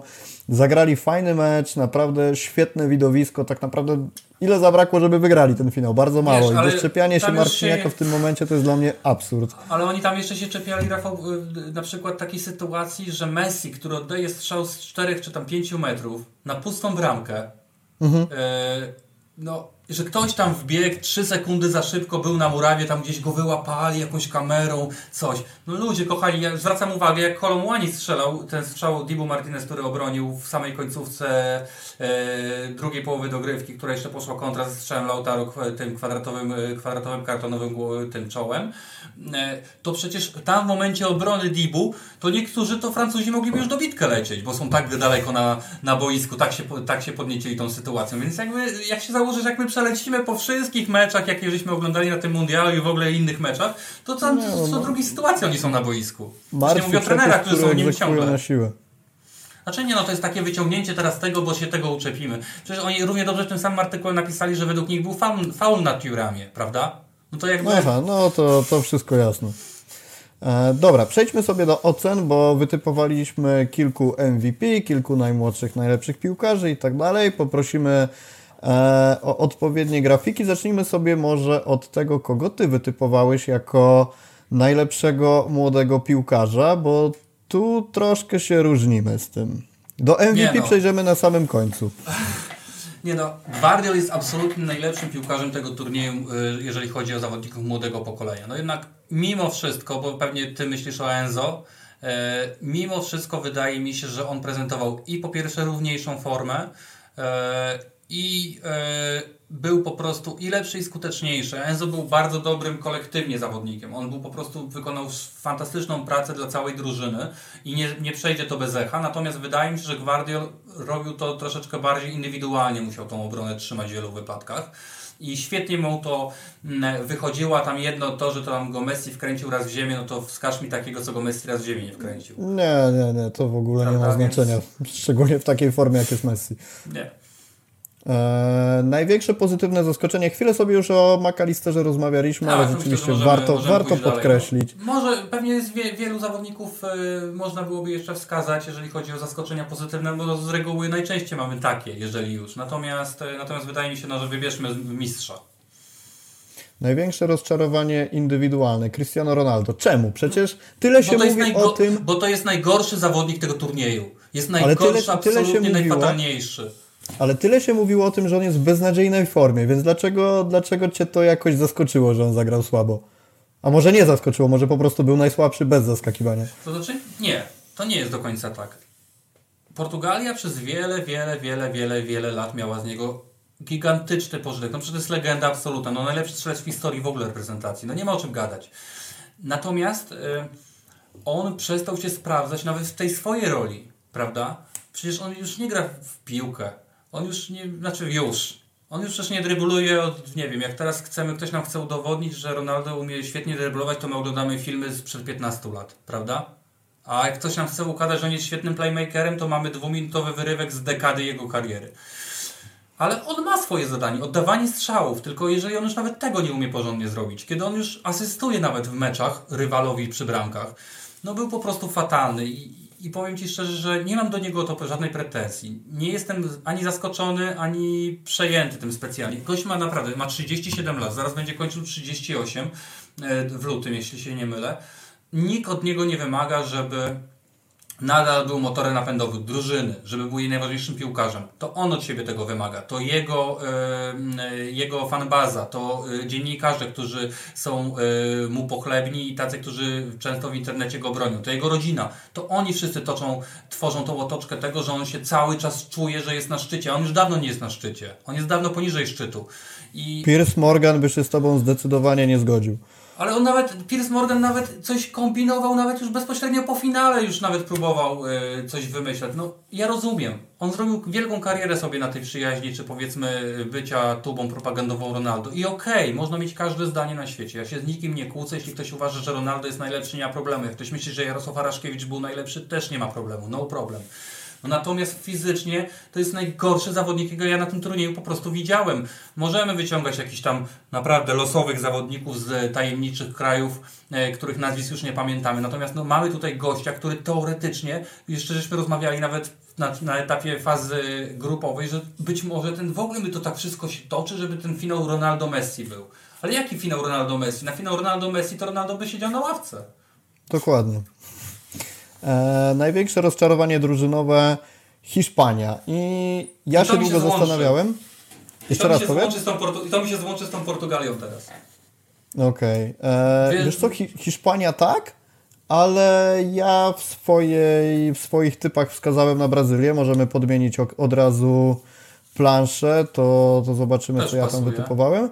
Największe rozczarowanie drużynowe Brazylia. I powiem Ci tak, zastanawiałem się czy Hiszpania czy Brazylia, natomiast wydaje mi się, że ten balonik napompowany wokół reprezentacji Brazylii był na tyle duży i patrząc na to, kogo oni mieli w kadrze, to ich porażka zdecydowanie bardziej mnie zaskoczyła niż to co, to, co, to, co się wydarzyło z Hiszpanią, bo gdzieś mówiliśmy o Hiszpanii jako takiej drużynie, która rzeczywiście ma potencjał, żeby dojść daleko, ale jak pojawiały się typy, to takie dosyć bezpieczne. Jedna czwarta, może półfinał już byłby dużym osiągnięciem. Natomiast jeżeli rozmawialiśmy o Brazylii, no to ta przecież ile tych tercetów ofensywnych oni mogli ze sobą tam poskładać wzajemnie, natomiast odpadają bardzo szybko, w bardzo słabym stylu. I ja pamiętam, że po fazie grupowej miałem taki niedosyt patrząc na ich grę, zwłaszcza w ofensywie i miałem wrażenie, że dużo tego, co mogliby zrobić, to w ogóle im nie wypaliło i wtedy spotkałem się z opinią, że to już nie jest taki futbol, żeby skupiać się na pięknej, ofensywnej, bramkostrzelnej grze, tylko teraz liczy się to, co oni zrobili świetnie, czyli świetnie się bronili. Oni mieli bodajże zero celnych strzałów, przeciwnicy oddali zero celnych strzałów przeciwko, przeciwko Brazylii przez pierwsze dwa mecze i to było podkreślane, że to ma być tym sukcesem, ten fundament defensywny, a potem zobaczymy, co się wydarzy w ofensywie, bo tam ktoś na pewno strzeli. Natomiast no, rozczarowało mnie to zupełnie, co się wydarzyło z Brazylią i jednak oczko wyżej w tych rozczarowaniach niż Hiszpania. To ja nie do końca podzielam tą opinię. Wiesz dlaczego? Bo gdy Brazylia odpadała z Chorwacją, no to Brazylia w tym meczu była wyraźnie lepsza. Chorwacja oddała jeden strzał przez cały mecz. Dosłownie oddała jeden strzał. Nie, że celny czy niecelny, jeden. Który po jakimś rykoszecie się wtoczył, a potem wygrała karne. Jednak to był mecz, w którym Brazylia naprawdę tą bramkę cały czas napierała Liwakowicza. E, starała się zdobyć tę bramkę. No nie udało się, trudno. Natomiast o tyle dla mnie Hiszpania jest większym rozczarowaniem. Już nie, nawet nie mówiąc o tym, że odpadła ze słabszą drużyną, co nam potwierdził mecz trzecie miejsce. No powiedzmy pewnie gdyby te, te, te siły fizyczne były podobne, to może byłoby inaczej. Natomiast bardzo zasmucił mnie Luis Enrique i rozczarował tym, że nie przygotował na turniej żadnego planu, nawet A1. Już nie mówię mhm. o B. I y, podobnie jak Xavi, są uparci na tego Busquetsa. Okej, okay, już nie chce mi się z tym walczyć, nie o to chodzi. Natomiast już nawet rozmawialiśmy o tym przed, przed tym meczem z Marokiem i po meczu z Japonią, że Luis Enrique nie ma nic przygotowanego na plan B. Zwróćmy uwagę, że poza meczem z Kostaryką Busquets grał wszystko od dechy do dechy. Będąc najsłabszym zawodnikiem reprezentacji Hiszpanii, bo oczywiście przy obiegu piłki możemy zakładać, że no super o to chodziło. No gratulujemy, natomiast jednak w piłce chodzi jednak o oddawanie strzałów i to, to najlepiej celnych. O tyle było widać i z Japonią, i właśnie z Marokiem, że kiedy, y, kiedy, kiedy jednego zawodnika odcinasz od, od piłki i ten zawodnik od tej piłki, do tej piłki nie potrafi w żaden sposób wyjść, a jest dodatkowo środkowym pomocnikiem, który gdzieś spina dwie formacje, czy trzy, to Hiszpanii idzie po prostu dużo ciężej ten ciężar z punktu A do punktu B przerzucać. Nie ma tej dynamiki. I niestety, było bardzo to smutno stwierdzić, ale Luis Enrique nie przygotował nic, żeby to zmienić. Przecież pierwszym logicznym wyjściem byłoby wprowadzenie losowego obrońcy, wypuszczenie Rodrigo trochę wyżej, i, e, i, i zepchnięcie po prostu Busquetsa na chwilę na odpoczynek, po prostu zobaczyć jak to zadziała trochę z innym zawodnikiem. No ale jeżeli oni chcą 120 minut waląc głową w Maroko, e, w ten zielono-czerwony mur, którego nie dało się niczym przebić, że jeszcze jakieś tam pojedyncze okazje miał Sarabia w końcówce dogrywki. Już nawet nie chcę komentować tego, że wypuszcza tego Sarabia na dwie minuty, żeby od karnego zmarnował. Kto tak robi? Ja wiem, że to samo zrobił Scaloni z Dybałą mniej więcej. Podobnie zrobił. Ja tego nigdy nie rozumiałem. Jak zawodnik, który przez 120 minut się patrzył, jak inni biegają, nagle wchodzi na ten mecz, w ogóle go nie czuje. Ten mecz już stracił w ogóle totalnie temperaturę. Gdzieś czekamy na te karne i on wchodzi nagle i on ma z marszu wykonać fantastycznie jedenastkę. Ja nigdy nie rozumiałem tego zabiegu, podobnie jak ze zmienianiem zawodników podczas rzutu rożnego. Zresztą mhm. Scaloni zrobił to samo, co się stało. Dokonał zmiany. Ręka karny. Mhm. Wiadomo, że to nie miało jedno z drugim tak. wspólnego. No ale siłą rzeczy, prawda, e, są jakieś pewne e, takie powiedzmy piłkarskie porzekadła i, i, gdzieś nie powinno się według mnie tego, tego zmieniać i e, i teraz mamy ten, ten mecz takiej Hiszpanii, która po prostu gra jednostajnie, w jednym tempie, w jednym pomyśle i to cały czas nic się nie zmienia, wiesz. Z jednej strony masz Scaloniego, który co mecz wystawia jedną jedenastkę, kombinuje taktycznie, yy, zdaje jakieś indywidualne zadania, potrafi posadzić tego, tamtego, wszystko mu jedno, byle drużyna grała, a w drugiej masz sytuację, w której można odnieść wrażenie, że trener się zafiksował na tego zawodnika, E, nie potrafi bez niego grać, nie ma żadnego pomysłu, żeby grać bez niego i to niestety jest sytuacja, w której to jest niestety drużyna, której ja kibicuję, która ma masę dobrych pomocników i kompletnie nie potrzebuje tego jednego konkretnego. I tutaj no uważam, że jest największe rozczarowanie. To mnie rozczarowało w Hiszpanii, że ona przez Hiszpania w tym turnieju była po prostu archaiczna, niepostępowa. W żaden sposób nie wprowadziła niczego nowego na ten turniej, kiedy wszyscy doskonale wiedzieli, co Hiszpania jedzie grać. I Ale 7-0 z Kostaryką bardzo ładnie. No to co z tego? No to trzeba było wygrać 3-0 z Kostaryką, a potem 1-0 z Maroko. No przecież to nie o to chodzi, żeby wygrać Dokładnie. 50 do 0 jeden mecz, tylko żeby wygrać 7 meczów, czy 5, czy 4. A nie żeby wygrać jeden, bo oni dosłownie wygrali przecież jeden mecz, no do jasnej cholery. E, ja jeszcze dopowiem jedną rzecz. Z Kostaryką.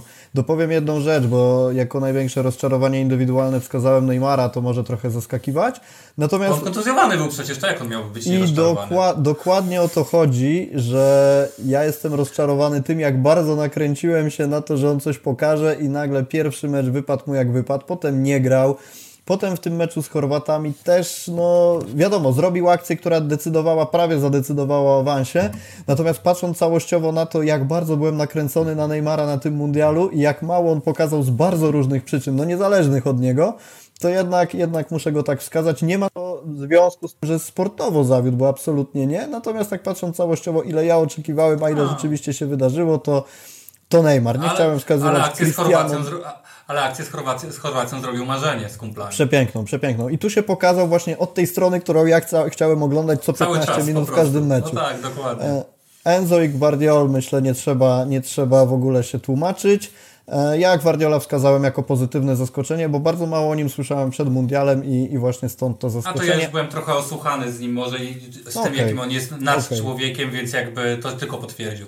Dobra. Zwyczajnie. O Messim porozmawiamy sobie jako, jako deser. Teraz przejdźmy do jedenastek i poprosimy grafikę z wytypowaną przez Maćka najlepszą jedenastką tego mundialu, bo tu też mam kilka pytań do Ciebie. I pierwsze pytanie jest takie, dlaczego trójka obrońców? Ja się domyślam odpowiedzi, Bo nie ale, ma bocznych. Ale... Bo na tym turnieju nie było bocznych obrońców, którym ja...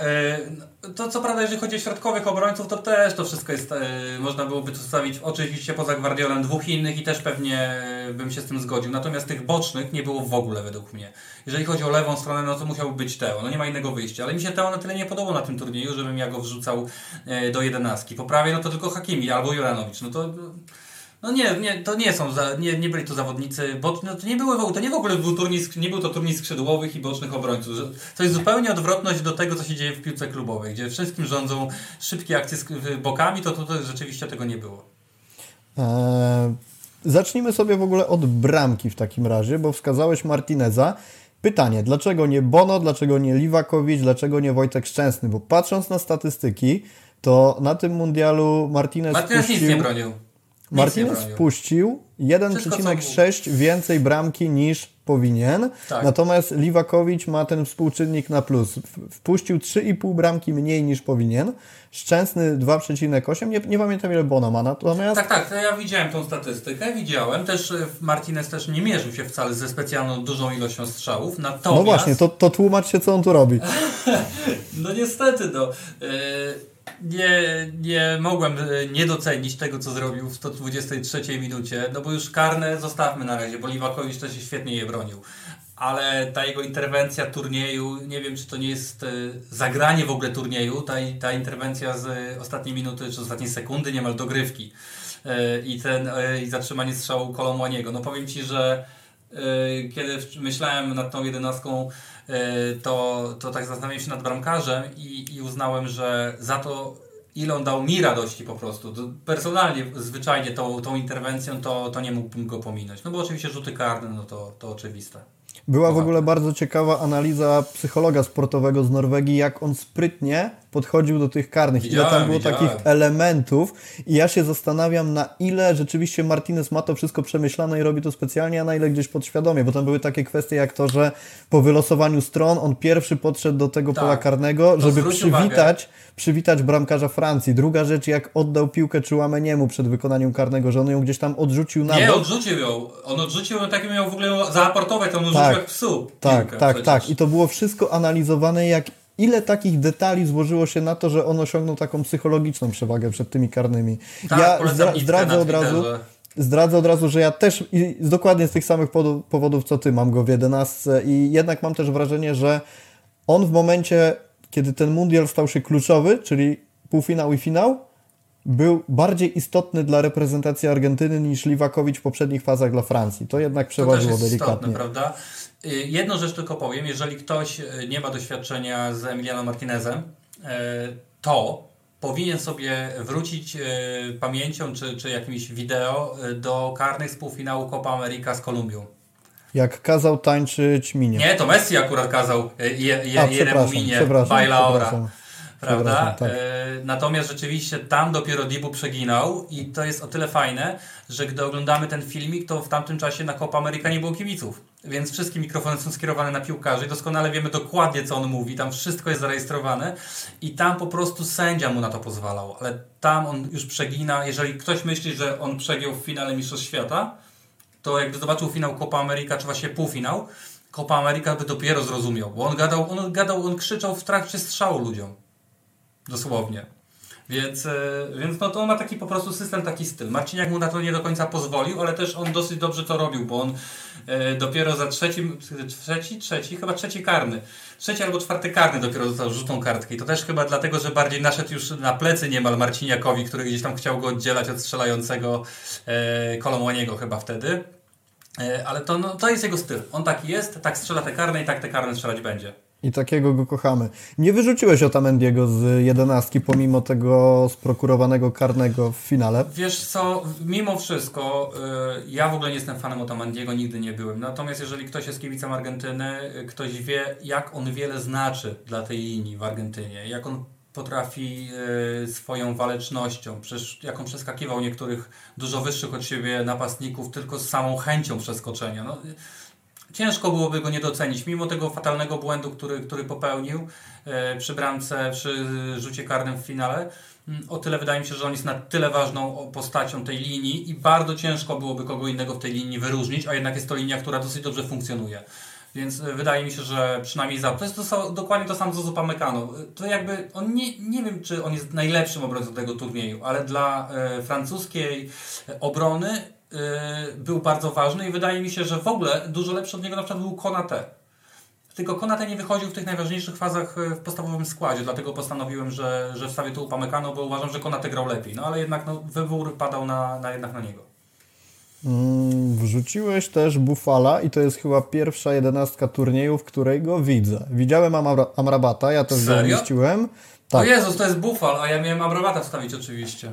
No, to, to, się, to, to, się wyjaśniło. Dobra, to zamieńcie go chociaż z Enzą. A to rzeczywiście, nie, w ogóle nie, przepraszam, ja to w ogóle patrzę i nawet o tym nie myślę. Chodziło oczywiście no, o Amrabata. To, to wszystko się wyjaśniło w takim razie. Moje pytanie, co on tu robi, bardzo szybko się wyjaśniło. No, to nie, w takim razie... strasznie, nie znoszę go. A Amrabat, zgadzamy się, że, że tak, on powinien, powinien tu być. Zastanawiam się, jak podchodzisz do kwestii Juliana Alvareza, bo też go tu wrzuciłeś. Czy to nie jest trochę tak, że on jest, e, nasz e, montażysta nazwał go Krzysztofem Piątkiem tego mundialu? Tak. Czy to nie jest trochę taka kwestia? Tak. Hmm. Bo jest, jest jedna ciekawa statystyka z FBRF, która mówi o tym, że jak Julian Alvarez był na boisku, to jak nikt inny przysługiwał się dla drużyny pod kątem zdobywania bramek i bronienia. To znaczy 11 strzelonych goli i 2 stracone dają najlepszy rezultat wśród wszystkich zawodników Argentyny. No, cztery gole, niezaprzeczalnie też ważna, ważna rzecz. Natomiast czy to nie jest trochę na siłę wyciąganie napastnika, którego można było mi, by mimo wszystko pominąć w tym zestawieniu? A ja uznałem, że w mojej 11, która i tak wygląda absurdalnie i żadna drużyna w życiu tak nie mogła zagrać w piłkę. No chociaż tym bufalem jakby Zenzę zamienić, może by dali radę. Ale żeby ta jedenastka wyglądała w miarę logicznie, no to postanowiłem wśród tych dwóch e, naszych wielkich e, wirtuozów gwiazd mundialu postawić jednego pracusia, który będzie dla nich biegał po prostu. Okay. E, bo wiemy, że ani Mbappé tego za bardzo nie robi, Messi nie robi tego praktycznie w ogóle, ale jednak postać Alvarez, zresztą Lautaro też bardzo dobrze biegał i pewnie też byłby w tej jedenastce, gdyby, gdyby grał w tym turnieju do końca, natomiast no, Alvarez po prostu grał lepiej, strzelał bramki, bardzo ważne bramki dla Argentyny bardzo ważne bramki, bo dla Argentyny bardzo ważne bramki są numer dwa. I chociażby za, za to, jak zagrał z Chorwacją, jakie to było istotne, e, to jego, to jego przejście, po prostu przelecenie razem z piłką całej obrony. Zresztą rzut karny też e, podyktowany za, za faul na nim. No nie wiem, wydaje mi się, że kluczowa postać po prostu w tych najważniejszych rozstrzygnięciach. To przeskoczmy w takim razie na grafikę z moją jedenastką. Ona się nie różni dużo.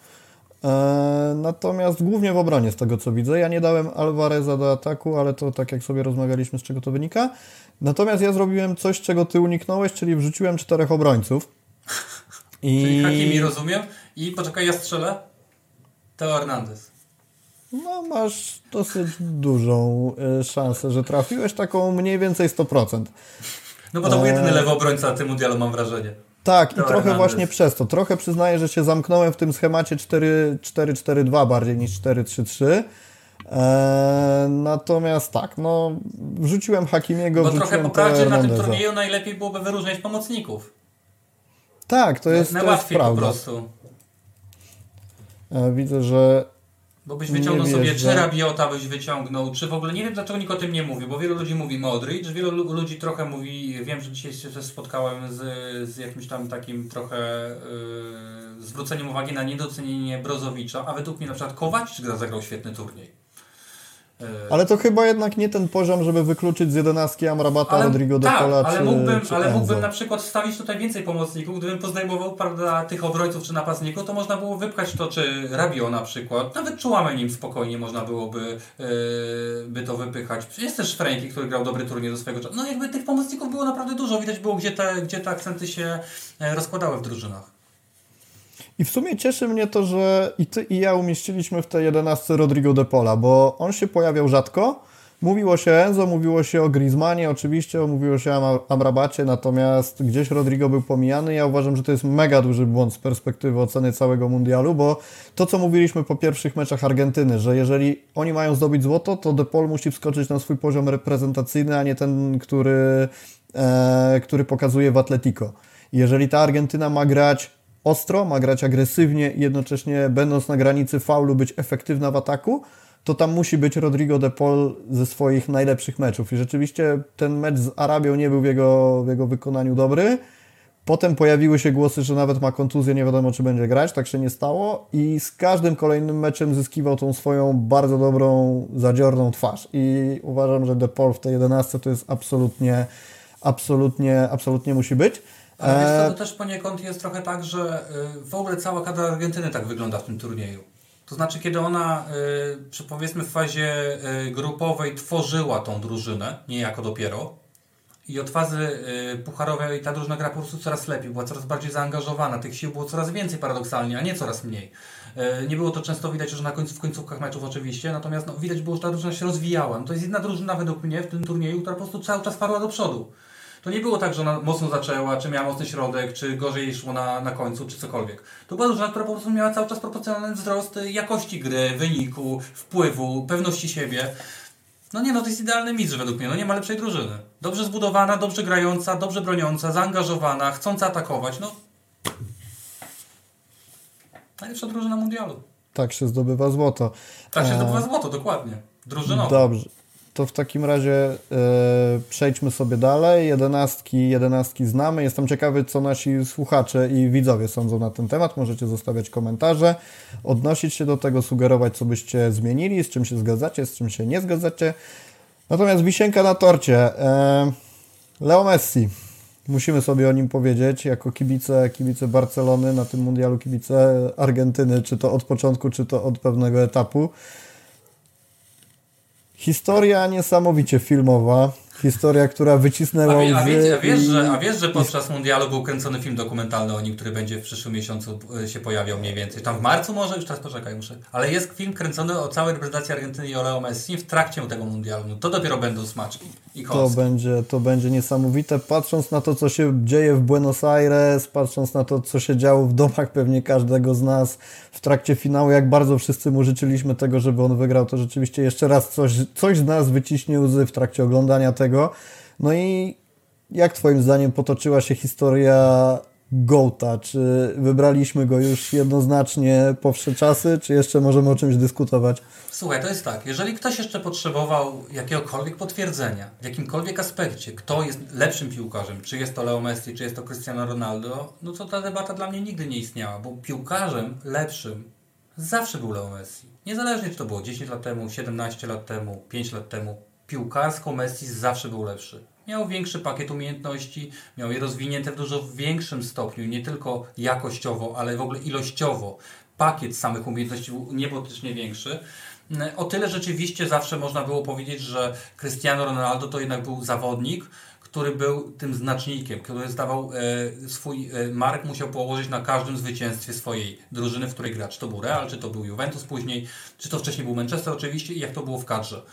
I nawet to, że on nie zagrał w tym finale, czy, czy musiał w finale swojego Euro y, wcześniej opuścić boisko, niewiele zmienia w tym temacie, bo on całą tą drużynę do tego finału pociągnął. Więc największym jedynym tak naprawdę argumentem było zdobycie, e, zdobycie e, trofeum z reprezentacją. Tak mi się wydaje. No i jedna Liga Mistrzów więcej oczywiście. E, jeżeli ktokolwiek miał wątpliwości na tym poziomie, no to one rzeczywiście zostały rozwiane. No bo mamy teraz sytuację, w której w ciągu półtora roku Messi wygrywa Copa America, no to oczywiście zaczynają się głosy, że w sumie Copa America to nie jest poziom, bo to Europa to jest poziom, a indziej, wszędzie indziej to już nie jest poziom. No okej, okay. przyjeżdża, turniej, ta, przyjeżdża, ta, przyjeżdża ta Argentyna za chwilę do Europy zagrać z mistrzem, e, z mistrzem, e, z mistrzem Europy, spuszcza mu straszne manto, ja wiem, że, w, że to jest mecz meczowi nierówny, wiadomo, że można gorzej trafić. Włosi też nie mieli wielkiego, e, wielkiej formy już po samym euro. Oczywiście od razu depresja. No nie, mecz towarzyski, nieważne, nie to co ta Wielka Liga Narodów, przecież to nieważne. Okej, okay, tak, poza, tym, poza tym znowu mecz bez znaczenia w oczach A teraz znowu mamy turniej, w którym y, Argentyna pokonała i Holendrów, i wicemistrzów świata, i aktualnych mistrzów świata. No nie ma już teraz, naprawdę, no nawet najbardziej jacyś zagorzali fanboje Cristiano Ronaldo nie są w stanie wytoczyć choćby jednego argumentu, bo jedyna rzecz, w której lepszy jest Cristiano Ronaldo Leo Messiego jest gra głową i to jest jedyna rzecz, dlatego że jest wyższy. No. I to jest jedyna rzecz, którą on robił w życiu lepiej i to tak pozostało. Natomiast jeżeli chcemy go, no zresztą same bramki w finałach. Messi zdobył 34 bramki we wszystkich finałach, w których wzi mógł wziąć udział. Zanim jest Pele 31, potem gdzieś tam Neymar. Ronaldo nawet nie wiem gdzie jest. Nie ma go nawet w tej pierwszej trójce. Więc no kto tu jest ten clutch player generalnie? Wiesz, co mi się bardzo podobało jeszcze, i to już się zaczęło przed finałem, nawet trochę wcześniej, ale po finale jeszcze nabrało to rozpędu, że ludzie trochę zaczę zaczęli doceniać to, że mogą go obserwować, bo dotychczas bardzo tak skromnie się o tym mówiło, mam wrażenie. Często jak ktoś się wychylił i powiedział, że Messi jest taki, taki i taki, najlepszy w historii i tak dalej, i tak dalej, to, to wyzywano tego kogoś, że, że fanboy, że coś tam, że nie ma racji i, i generalnie mam wrażenie trochę to tonowało takie nastroje, że o Messi można rzeczywiście mówić jako, jako najlepszym w historii. A teraz zaczęła się taka narracja, że okej, okay, wreszcie, wreszcie zrozumieliśmy, kogo my w zasadzie oglądamy. I te obrazki, jak on podnosi puchar, puchar świata, jak jest niesiony na, na barkach przez Aguero, myślę, że to bardzo zadziałało na wyobraźnię ludzi i tak jak była pamiętam. dyskusja nie pamiętam już teraz, kto to, kto to na, na Twitterze taką, taką wrzucił takiego, takiego tweeta, ale rzeczywiście właśnie traktował o tym, o czym Ty mówisz, że żal mu w ogóle jest ludzi, którzy przez te wszystkie lata byli zajęci jakimiś kłótniami, kto jest lepszy, kto jest gorszy yy, i stracili całą karierę doceniając takiego Leo Messiego, że oni takiego piłkarza już prawdopodobnie nigdy nie zobaczą i choćbyś był najbardziej zatwardziałym jego przeciwnikiem, yy, nie kibicował, nie wiem, Argentynie, Barcelonie, czy teraz Paryż, Paryżowi, miałbyś nienawidził tych drużyn, no to jeżeli my w Barcelonie jesteśmy w stanie przyznać, że nie wiem, Ronaldo jest fantastycznym strikerem, czy był, czy zdobywał masę ważnych bramek, piękne przewrotki, piękne strzały, yy, przecież te spadające liście kiedyś, potem te bardzo wysokie wyskoki do główek czy przewrotek, no to jest też fantastyczny piłkarz i ja się cieszę, że ja mogłem Ronaldo obserwować i nie wyobrażam sobie, żebym powiedział, nie wiem, swojemu dziecku czy jakiemuś koledze w barze, że w sumie to nieważne, bo Messi jest lepszy, a ten to jest lamus w ogóle i nie umie grać, tylko żel używa. No przecież to nie o to chodzi, my mamy masę piłkarzy na świecie, którzy są fantastyczni i ja nie bardzo potrafię nie doceniać tego i bardzo żal jest mi ludzi, którzy nie potrafili tego Messiego doceniać, bo tego Messiego za chwilę już nie będzie i będą, zostanie, zostanie już tylko filmiki e, na YouTube im zostaną, a na żywo siedzieli z zaciśniętymi zębami, trzymali kciuki, żeby temu Messiemu nie wyszło. No, ludzie. Wiesz, no, ka każdy lata? ma jakieś swoje podejście. Ja się zgadzam z tymi, którzy w jakiś sposób mówią, że każdą opinię można obronić. Jeżeli ktoś uważa, że lepszy jest Cristiano, że lepszy był Pele, Maradona, spoko, no dopóki to jest jakaś konstruktywna rozmowa. ale jak może rozmowa... ktoś mi powiedzieć, że lepszy był Pele, jak Pele grał 70 lat temu? No to kurde, coś powiedzieć, że ten 25-latek wie, jak Pele wyglądał 70 lat temu. Maradona ale... skończył karierę 30 lat temu prawie. No ja się zgadzam. Dla, dla, mnie, dla, mnie, dla mnie Messi jest lepszy, był lepszy, będzie lepszy i, i w historii lepszego nie znajdziesz.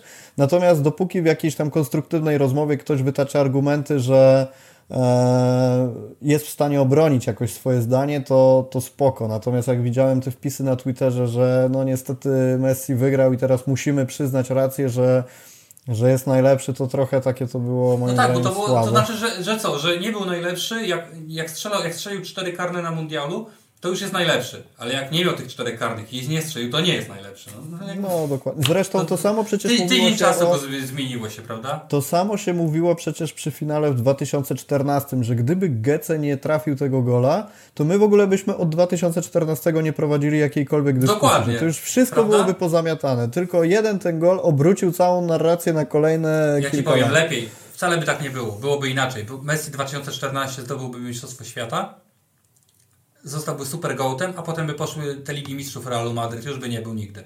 I to jego Mistrzostwo Świata by poszło w niepamięć. Mówię ci. No i, i tak W jakim można stopniu dyskutować. niepamięć.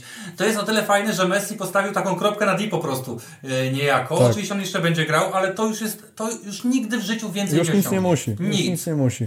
Ale nawet jak, no to nawet nie chodzi musi, nie musi. Nie osiągnie nigdy nic więcej. Nigdy. Nie ma żadnego tytułu, który może to przebić. I on to zrobił na prawie, na, na prawie zakończenie kariery, gdzie cały świat na niego patrzył, cały świat na niego liczył i to się wydarzyło. Jak z filmu. I A na super pewno jest to, nie że... jeden film będzie. Tak, i super jest to, że wreszcie dla Argentyńczyków też stał się taką ważną postacią. O tym Tak, bo oni też w niego zawsze wątpili, wcale, wcale go nie wspierali tak jak powinni. Przecież to nie jest tak, że Messi był jakiś kochany w Argentynie. Na niego zawsze spadały wszystkie e, najgorsze opinie po każdym nieudanym turnieju. Iguain, Iguain nie trafił na pustą bramkę z 30 cm w sztile? Na pewno. Messi mu źle podał. Prawda? Nie trafił sam na sam, nie trafił w bramkę w finale przez świata. Messiego wina, bo on też nie trafił. tak cały No czas tak, można no tak. wymieniać. A, to, a, a wszystkich niesie Di Maria na plecach, prawda? Bo strzelił bramkę w ćwierćfinale. Dokładnie. E, to kończąc ten podcast, chciałbyś Messiego w Barcelonie, patrząc na to, co się teraz dzieje? No to rozmawialiśmy już o tym. Pewnie, żebym chciał, niech wraca, tylko po pierwsze to się nie wydarzy według mnie. Już jestem, tak, ostatnio jestem prawie pewien już tego, że to się nie wydarzy, bo my tego nie udźwigniemy finansowo, ale też wątpię, żeby tu przyszedł gra za milion. E, to raz. E, wydaje mi się, że się nie wydarzy. Przyjąłbym go oczywiście na zasadach, które omawialiśmy, czyli jako członek kadry, a nie lider, król, nadzorca i wszystko ustawiamy pod niego. Natomiast pewnie i tak trzeba by było w jakimś stopniu, żeby go oczywiście wykorzystać, no bo nie przyszedł tu po to, żeby twarzować. Natomiast tak jak mówię, no stadionu nie będzie, no nie będzie. Pieniędzy nie ma? No nie ma. Eee, Tebas rządzi? Rządzi. Tebas rządzi? Rządzi. No więc jakby wydaje mi się, że y, to się po prostu nie wydarzy, dlatego powiem nie. Nie chcę, żeby wracał. To, mo- to może wróci, wiesz. Takiego O, jinxa odważnie, odważnie. Robimy, robimy screeny. Robimy screeny. E, dobra, będziemy sobie kończyć powoli. Zaczynamy niedługo rozgrywki klubowe. Dla nas dobra informacja jako kibiców Barcelony, że piłkarze wracają bez kontuzji. Araujo nie grał, także możemy być spokojni o jego A właśnie chciałem do, zaznaczyć właśnie do a propos tego meczowej. obciążenia meczowego, to jak się sprawdzi minuty No. na boisku Francuzów, chociażby, no bo Francuzów mamy w składzie, to oni po prostu rozegrali w czasie przerwy e, mecz na tydzień. Więc jakby nie ma takiego wielkiego, dużo większe obciążenie byłoby, gdyby zostali w, e, u siebie w domu i, e, i grali mecze ligowe. Nie sprawdzałem tego, ale rzeczywiście. No bo to ciekawa 7 tygodni informacja. przerwy, no 7 meczów, 7 tygodni przerwy, no to matematyka. 37 punktów Barcelony po 14 kolejkach. Jesteśmy liderem, jakby komuś to wypadło z głowy w tym całym mundialowym szale. I gramy ze Spaniolem za chwilę, jakby co. 31 grudnia gramy ostatni mecz w tym roku ze Spaniolem e, na Camp Nou, potem spotkanie z Atletico na wyjeździe i zaczynamy ten e, Nie, potem jeszcze fantastyczny... Hetafe. Potem jeszcze Hetafe. E, Hetafe jest... Wcisnęli. Przed No, no, jeszcze- jeszcze, A nie, jeszcze jeszcze, jest chyba, a my nie gramy jeszcze jednej kolejki Copa del Rey na samym początku stycznia, typu trzeci, szósty, piąty, siódmy. To do sprawdzenia. W takim razie... Tego będzie, zaraz o- się zacznie. Teraz się zacznie co trzy dni, bo już Tak, mamy tak, dwie tak. kolejki są przełożone, widziałem, bo już nie ma. Wracamy, wracamy do Jest napiętego Betis terminarza. przełożony, widziałem na Villa, Villa Marin miał być tutaj. No namieszali teraz, trzeba od nowa tą całą tabelkę oglądać. To w takim razie po prostu odsyłamy na fcbarsa.com do zakładki z terminarzem. Tam na pewno będzie wszystko aktualizowane, jak będą potwierdzone informacje. I przypominamy, że Lewandowski w pierwszych meczach nie zagra, bo została podtrzymana jego kara. Jeszcze jest, jeszcze jest odwołanie do TAS, więc czekamy. Nie wierzę w to. No nie, no to jakby to wydaje mi się, że oni chyba oni mogliby tylko dać opinię tak naprawdę. Nie mogliby zmienić tej decyzji, mogli dać wskazanie, Mhm. wydaje mi się. To jakoś tam działa. A, ten trybunał to też.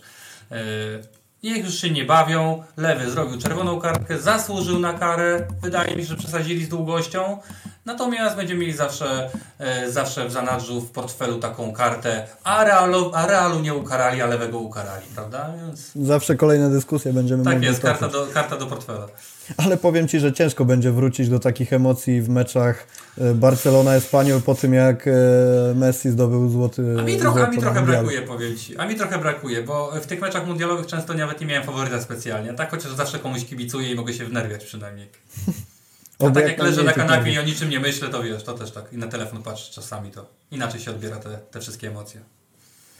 Będziemy kończyć powoli. Untok de la Rambla, 115 odcinek. Argentyna ze złotem. Fantastyczna informacja dla wszystkich kibiców. Przede wszystkim Messiego, myślę, bo coś, co spięło klamrą fantastycznie jego karierę.